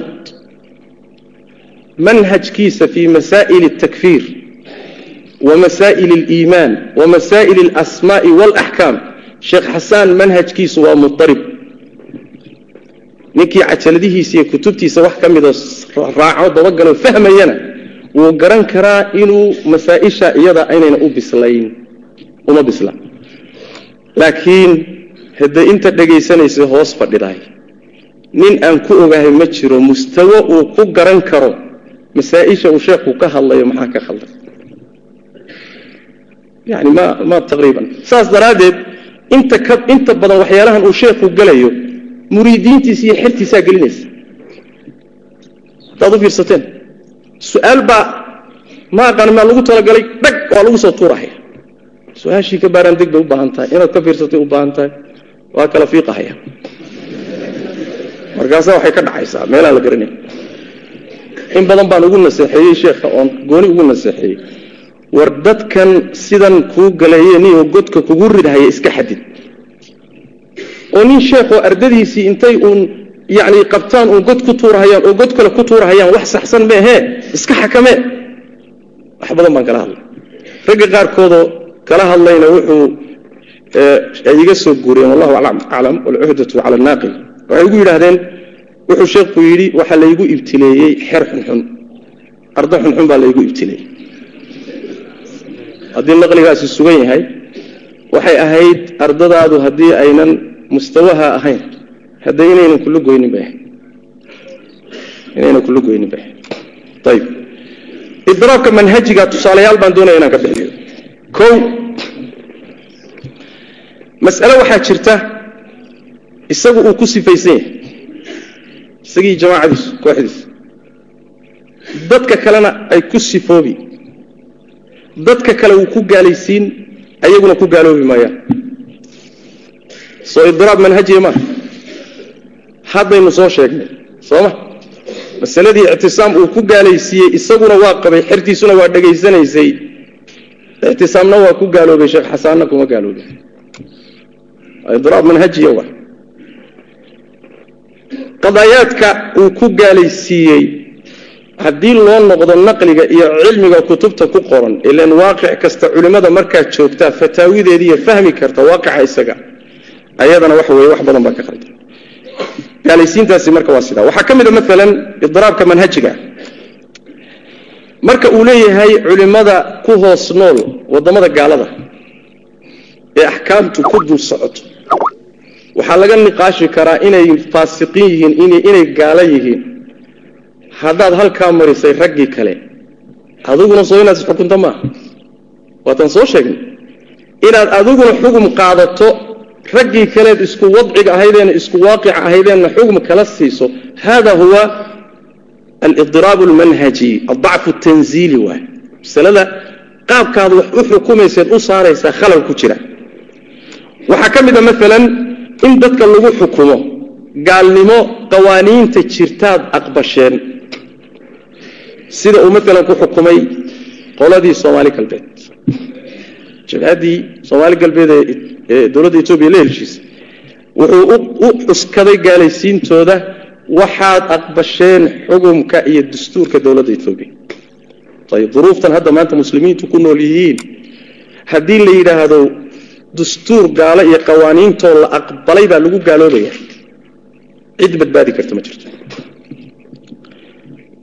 isaga laftiisuna waa ku jiraa qodobka uu ku gaalaysay wuxuu ugu jiraan idiin sheegaya waa nin jinsiyad baasabood iyo kibaandho kenya haysta soo saas ma. Qaanuunka adduunka waxaa mutacaaraf oo laysla og yahay. Waalmacruufu curfan kalmashruuti shartan. Waxaa laysla og yahay. Markaad waddan jinsiyadiisa iyo kibaandhadiisa qaadanayso waajibaad baa ku fuulaya xuquuqna waa lagugu yeelanayaa mas'uuliyaadna waa ku fuulaya. Waxaa ka mida toos jinsiyadda waxaa ku fuulaya waddanka nidaamkiisa inaad aqbashan tahay. Haddaadan hore uga warhayninna hadda dhegeyso tajanuska mas'alada la yidhaahdo toos waxay ugu xidhan tahay waddankan inaad nidaamkiisa iyo dastuurkiisa aqbalayso ixtiraamayso toos bay ugu xidhan tahay. Ayib anigu kibaandhaan haystaa baasboodna waan haystaa wa calaa hada alasaas waddankan ama dimnan ha noqoto nidaamkiisii iyo wixiisii waa hoos joogaa kibaandhadiiyo baasaboodkuna wuxuu keenaya inaad aqbalsan tahay. Qoladii xagga tagtay aqbaltee tihi naf baa noo geysay iyo duruufna waa gaaloobeen adiguna maada gaaloobin adiguna maada gaaloobin mas'alo kale. Oo taaba ka dhowba sheekha maalmaha waxaa ku furan maxkamad qadiyadeed soo ma ilahay ha u fududeeye shar lama jeclin iyo xumaantoona keeska ku furani markuu ku furmay sheekhuu xertiisii kuma dhihin war anigu waan qasbanahay horey wuxuu u taqriiriyey altaxaakum ilaa hayri kitaab illah wa ilaa hayri sharci illahi kufri wa maxkamada alle iyo kitaab alle meelaan ahay haddaad u xugum tagto waad gaaloobi. Wuxuuna ku daray masaa-isha daahirka ah een jahlina la aqbalaynin ta'wiilna la aqbalaynin ilaa ikraah mooye. Ayib sheekhii maxkamad baa la geeyey maxkamaddii muxuu u diidi waaye waa gaalnime ama intaan la qabaninba meeluu farsamo kale u samayn waayo. Masaladii in badan anigaan kula taliya ikraah maaha mukrah ma aha mukrah wuxuusan u ahayn. Ikraaha waxaa la yidhahdaa markuusan jid kale kuu furnayn. Laakiin inaad kenya hoos joogto oo maxkamad lagu geeyo ma halka opshin baa kuu furan. Ya mise khiyaaraad kalaa ruuxa u furnaan kara. Khiyaaraad kalaa u furnaan kara ikraah maaha. Ayib kaba soo qaad isaga ikraahba ka dhig. Xertiisii maxay sameeyeen? Ardadiisii qabtay ee sheekha ka qaadatay maxkamad gaala in la tago diintaa lagaga bixi jahlina lagugu cudurdaari maayo ta'wiilna lagugu cudurdaari maayo. In lagu ikraaha mooye xertii waxay sameeyeen looyar baa la qabtay maxkamaddaa la tegey sheekhi baa la soo daayey. Inay sheekha u doodeenoo soo daayeenoo waa ku mahadsan yihiin soo ma? Laakiin mas'aladu waxa weeye war waxaad shalay qirteen inay gaalnimo tahay ooy kufri tahay oo dad badan diinta kaga saarteen baad idinkii gasheene ma gaalaa tihiin mise muslimiin baa tihiin?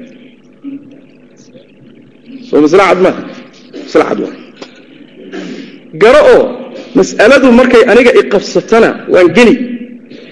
Markay dadka qabsatana u turi maayo. Cajaa'ibtay ka mid. Tahay bal waxaa ka sii cajiibsan inuu sheekhu gaalaysiiyo ashkhaas biacyaanihim hebel waa gaal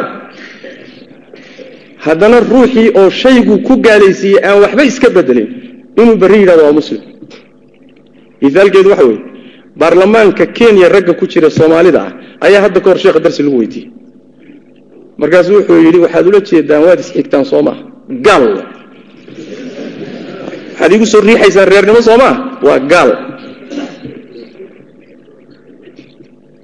Sheekh shible su'aalihii uu weydiiyey markuu ka jawaabayeyna wuxuu yidhi waa muslimiino waanu cudurdaarahayaa war shaksigii shalay aad gaalaysiisay maanta see uu muslim noqday baarlamaankiibuu ku jiraa. Shaygaad ku gaalaysisay weli kama bixin. Waa shaksi ee xataa daa'ifo ma ah shalay waad gaalaysiisay maantana waad ka saartay. Waxaa jira qodobkaa ah hebel waa gaal ma rabo inaan magacaabo. Laakiin qodobkaa isaga ah ardadiisiibaa cabsi darteed uga saartay cajaladda wayna fara badan tahay masaa-isha noocaasoo kaleo sheekhu intuu duruusta ka yidhaahdo oo si aan miisaanayn u sheego hadhowna ardadiiyayna faafin intay dhahaan ay ka gooyaan. Waxaa aada u fiican. Marka horeba hadalkaad leedahay inaad ku xisaabtanto inuu xataa si kasta haddaad u gogogeyso ood qarqariso miisaan rabbi ma qarsoomayo soo saas ma.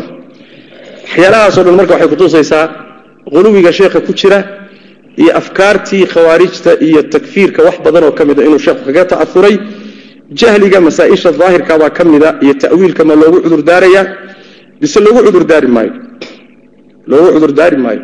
Marna wuugu cudurdaari marna ugu cudurdaari maayo? Miaal baan idin siinaya qolyihii hadda aan soo miaaliyey oo somaali ethoobiya heshiiska la gashay qoladaa wuxuu ku gaalaysiiyey waxay aqbaleen dastuurkii kenya. Sheekh shible wuxuu weydiiyey dastuurkii waxaan dhihi lahaa ethoobiya sheekh shibla su'aalihiisii waxaa ka mid ah ka waran shacabka kenya mar dhow buu wuxuu marsiiyey dastuur cusub oo ogolaaday culimo fara badan baana u ololaysay oo hadda waddanka joogta caamada keliya maaha qoladaasi dastuur bay ogolaadeen hortood la dejiyey oy leeyihiin naf baa noo geysay. Shacabka kenyase iyo culimmadiisuba dastuurkii iyagaa mariyey oo u codeeyey ma gaala mise waa muslimiin? Wuxuu yidhi waa muslimiin. Ilahay baan idinku dhaari masalada u fiirsado. War ninkaa dastuur horay u deganaa waan aqbalay yidhi iyo ninka dastuurkiiba isagu u ololaynhayo u ordayo masaajidda ka taagan oo aayadaha iyo axaadiista saarahayo oo socodsiinaya iyo ninka codka siiye kaa culus. Ma kan dambaa culus mise ka hore? Kan dambaa culus. Kii cuslaa waa muslim kii fududaana? Waa gaal. Idiraab manhajiya waay. Waa waxaad la yaabi masaaishaasoo dhan waxaa ka mida maalan qisadii xaatib ibn abi baltaca. Intaasoo ra'yi buu sheekhu ka leeyahy xaatib muxuu ku dhacay? Ma gaalnimo? Mise gaalnimo mahay wuxuu ku dhacay? Ma rabo inaan si aan waqtiga xidhiiriya waxaa ka mida maalan arrinta hadda aan ka hadlay waxaa ka mida masalada tanaaqudka taasi waxa weye waa idiraabka manhajiga ama masalada tanaaqudka. Haddii nin wax garanaya uu dabagalo cajaladaha sheekha maalin shalay miyuu ah aniga aada isuguma mashquuliyo. Laakiin waxaan haddaan akhriyayo dulduul bay igu soo gaadheen dulduul dulduul badda wixii ku jiray baa weli laaban. Laakiin waxoogaa finfiniin oo isoo gaargaadha wey. Masaadirtiisii laakiin aan hayo. Mas'alada marka haddaad hal cajal dhegaysato shalay baan muxuu ahayey anoo meel xafiisa galay cajal ka shida baan wax yar yaro dhegaysa hal daqiiqad ah buu qaybteedii horena wax ku sheegay qaybtii dambena ku jabiyey. Hal daqiiqad. Hal darsi buu xagga horena wax ku taqriirin haddana gadaal dambe ku naqdin. Laakiin waxaan aniga aada ula yaabanahay. Mustawaha dadku inay dareemi waayaan. Maalan wuxuu leeyahay mas'aladaasi waa itifaaq bacda hawaani sakane kadibna wuxuu leeyahay laba ra'yi bay culimmadu ka qabaan war waa itifaaq iyo waa ijmac haddana laba ra'yi baa laga qabaa oo sakan dhexdii ah. Way badan tahay. Runtiina waxaa keenaysa adoo weli masaa-ishu kuu bislaanin ama aan bislaanin haddaad masalada laacdo waxa iyo wax ka badan baa kaa imaanaya. Tanaaqudka marka isaga xadid walaa xaraj bal intaan kutub akrinayay ama aan nin uun cilmi u nisba sheegta arkayay nin ka tanaaqud badan ma arkin sheekha intaan kitaab akhrinayey ama nin uun cilmi sheegta aan arkahay weligay nin ka tanaaqud badan ma arkay khaasatan masaaisha hadda aan ka hadlayno masaa'il liimaan masaa'il lkufri iyo masaa'il asma walaxkaam waxaa ka mid a oon ku gebagabaynaya insha allahu tacaala afkaarta uu sheekhu kaga ta'afuray nimanka la yidhahdo khawaarijta iyo takfiirka waxaa ka mid a culimada oo la tasfiihiyo juhaasha iyo waxmagaradkana lagu sallido soo qaacidada mayna soo marin iyo nuquusheedii ayb istihzaa iyo jees jees waxaa ka sugan inuu yidhi oo aqwaashiisa ka mid ah culimmada soomaaliyeed buu waxaad moodaa buu yidhi neef adhi ah oo kidhi madaxa la galay.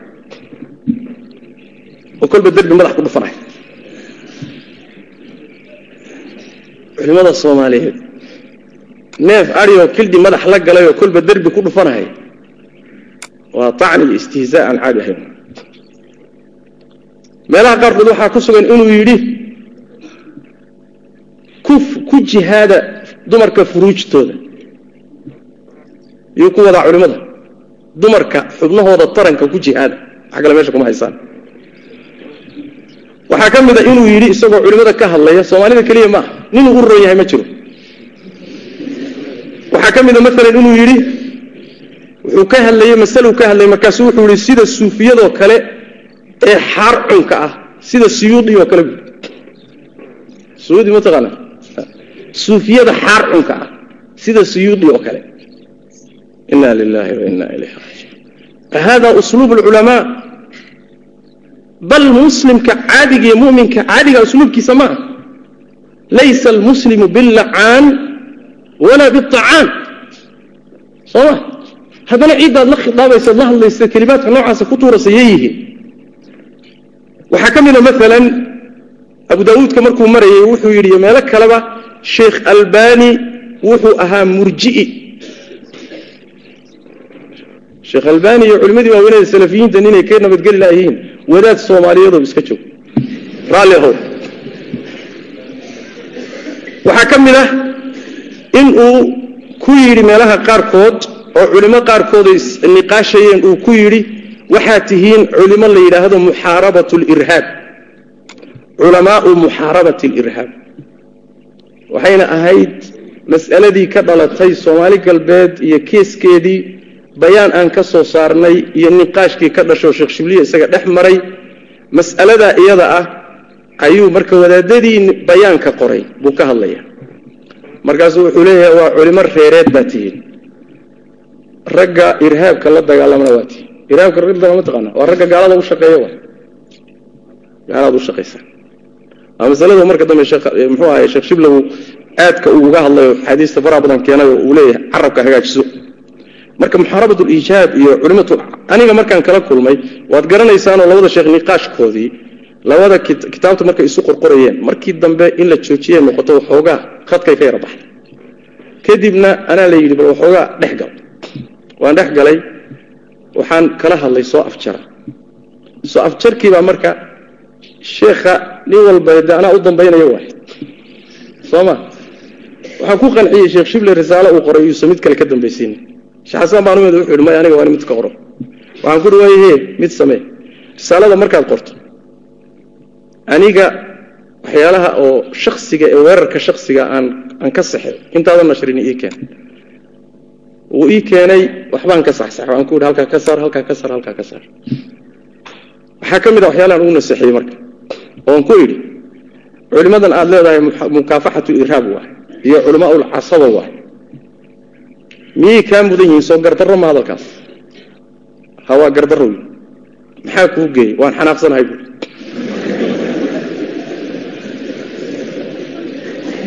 ayib waxaan ku yidhi hadduu xanaaq kuu geeyey sheekh xasaanow hadduu xanaaq kuu geeyey xanaaqahu inaad kontarooshay ahayde? Raggani waa ragaad ku xadgudubtaye ama ka xalaasho ama waxaad samaysaa risaaladan haddaad soo saarayso ha ku soo baxdo adoo ka noqday khaladkii kana cudur daaranaya waayahay buu yidhi sheekhu risaaladii baa soo baxday wuu ii keenay waan fiiriyey mise kuma taallo sheekhii telefoon baan u dira waxaan war sheekh sidanaan isku ogeyne dadkii aad ku xadgudubtay inaad ka cudur daarato maadan ku soo qorina maxaa dhacay? Sheekh gadaalshaada wax badan baa isbedelay buuri waayahay baan idhi. Maxaa isbedeli kara ruux walaalkaa oo muslimood ku xadgudubto ood inaad ku xadgudubto? Maxaa isbedeli kara oo cirdigiisa kuugu bannaanaan karaa? Miyaad garanaysaan idinka waxyaalaha fara badan waxaan u dibdhiganayaa maxaa laysla soo maray oo hoos ku jira? Oo marada ka hooseeya. Mas'aladaasi aad un inaan u sii galo ma rabo. Laakiin bacdu alamila oon uga baahnahay umaa soo qaad qaadanaya waxaan ku gabagabaynayaa warka murtidiisu uu yahay. Akhiiran markii ugu dambaysay ka daroo dibi dhal bay noqotay. Sheekh xasan wuxuu fatwooday culimmadii soomaaliyeed in alle intii ka hor jeeda afkaarta qolyaha dagaalamaya ha la laayo ictisaam ha la laayo culimmadii jadiidada ha la laayo hebel iyo hebel ha la dilo masaladu halkaasay ku dhammaatay. Anigu marka waxaan leeyahay qaacidada noocaasa markay ku socoto arrintu waxay ka socotaa weelka sidiisaba waxa gudihiisa ku jira ayuu dhididaa. Soo ma ogida saasu kullu inaa'in bima fiihi yandax ruuxa haddaad aragto waxyaalo fara badan isagoon ka sariiganay waxaad ogaanaysaa waxaa jira dacfu tadayun. Diin xumi baa jirta diin yari baa jirta. Khaladka in lagu adkaysto lagu madax adaygo laga noqonin ruuxa markaad la doodayso aad yani waxa weeyaan aad ku been abuuratood weliba aad waxba aadan u reebin. Waxaa ka mid a usuusha halistaa ee uu sheekhu qabo. Mawaanicda takfiirku wuxuu qabaa raafica weeyaan walaysat maanica waxaa laga wadaa ruux baa ku dhacay waxyaala kufriyaad ma raadinaynaa intaanaan gaalaysiinin jahli iyo ta'wiil iyo wixii kufriga lagaga dafcin lahaa. Mise marka hore horta gaalnimo inuu ku dhaco gaaloobay baan qiraynaa kadib baan raadinaynaa wax ka rafciyo gaalnimada aan ku qirnay. Mas'aladaasi cinda ahli sunna waljamaaca almawaanicu dawaafic walaysat rawaafic ruuxani khalad buu galay gaalnimo yani ficil iyo qowl gaalnimo abuu galay isagu ma gaaloobaya intaanaan xukmin waxaan raadinaynaa sabab waxaan raadinaynaa iqaamat lxuja waxaan raadinaynaa jahli waxaan raadinaynaa ta'wiil markaan kadib haddaan helno waxaan leenahay maba gaaloobin marka way mancini ee rafcin ma ah haddii la rafcinaysaa bimacnaa marka hore uu gaaloobi waay diintuu ka baxaya waa usuusha khaladka warka gabagabadiisa waxaan ku gabagabaynaya. Kooxaha aan soo sheegay oo dhan dadka ku ta'afursan ama waxoogaa la yara judbaysa ama afkaartooda ama xertooda ka mida waxaan idin dhihi lahaa intaad mas'alada xamaaska iyo gacanqaadka iyo hanjabaadda iyo waa la ysbirayn ka daysaan waxaad samaysaan wixii laydinku haysta intaad dhegaysataan oo si ikhlaasa u dhegaysataan oo daacadnimo u dhegaysataan wixii idinka anfacaya ka qaata. Amaa ninkiina radiya waa gaal ninkiina radiya waa faasiq ninkiina radiya dhiiggiisu waa bannaan yahay. Weliba laga sii ratiboo la yidhaahdo gaaluu u shaqaynaya. Waxaa laga yaabaa hadda inay soo baxdo oo la yidhaahdo waktiga sheekhumal muxaadarada ku hagaajiyey. Munaasabadda ma garanaysaa ha munaasabaddu maxay tahay? Hadde meeshii waxaa ka baxay wilaayaadkii maraykan iyo gaaladii baa dhaqaalo wadda. Sheekh umar toban kunoo muxuu ahaay toban milyan baa loo dhiibay. Muxuu ahaay hawshaa qabaa la yidhi cid kale ma qaban karto. Sidaas daraaddeed sheekh umal hawshiisu ma sahlana islaamka laga qabto. Sooma hadda goor bay soo gaadhay wax fara badanoo noocaas. Kooxaan haddaan soo sheegay hal koox oon hanjabaad iga imaanin ma jirto. Hal koox oon hanjabaad iga imaanin ma jirto. Ani keliya maa culimo fara badan oo culimmada soomaaliyeed ka mid ah shaksiyan loogu soo hanjabay. Laakiin waxaan doonayaa inaan u caddeeyo walaalaha dhammaantood.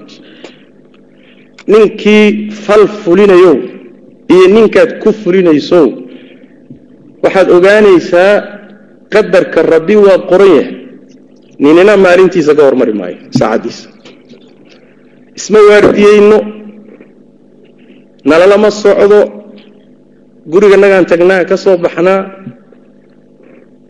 ninka maanta isku taabta xarakaad kaa dagaalama iyo ninka gaalada isku taabta oo gaalada un madaxa ka garaaca kee geesisan su'aashaana saasaan weydiina ilan waxa la waadadu waa fulaye ninka gaalada ka hadloo maraykan naqdiya oo kenya naqdiya oo ethoobiya naqdiya oo gaalada madaxa ka garaacay waxa ugu badanee ku dhici kara inay xidhaan wa say badanta soo saas ma. Haddii la wadana goontimaamo in la geeyo wa laakiin xarakaadkan hadda aan ka hadlayo ninka naqdinayaay wuxuu sugaya in la ikhtiyaalo waay su'aashaan idin waxay tahay kee geysisan marka? Ila waadadii waa fulayaa la yidhi marka murtidiisa waxaan ku gabagabaynayaa ilaahay inta laga boqo xaqa ha loo soo noqdo oo macangegnimada iyo ad adayga ha layska daayo ummadda muslimkaana waxaan leeyahay dhiigga iyo ummadda diinteedu waa waxaan khamaar geli karin. Dhallinyaradana waxaan u sheegayaa qabrina waad gelaysaan rabbina waad hortegaysaane. Waxa aad samaynaysaan iyo qanaacaadkiinna ka fiirsada afkaarta noocaasa dadka qaba ma bannaana in la dhagaysto duruustooda. Ma bannaana in la faafiyo cajaladahooda. Ma bannaana in la makaniyo masaajidda muslimiinta. Ma bannaana in loo ololeeyo afkaarta faafinteeda. In laga ganacsado ma bannaana. Maxaa yeele waa afkaar halis ah inxiraaf weynna ku jiro ummaddii diinteedii iyo adduunyadeediina halis ku ah. Intaas iyo war dambaan ku sugayno raallina ahaada waa idinku dheeray. Jazakum allahu khayr. Wasalaamu calaykum waraxmat ullahi wabarakaatu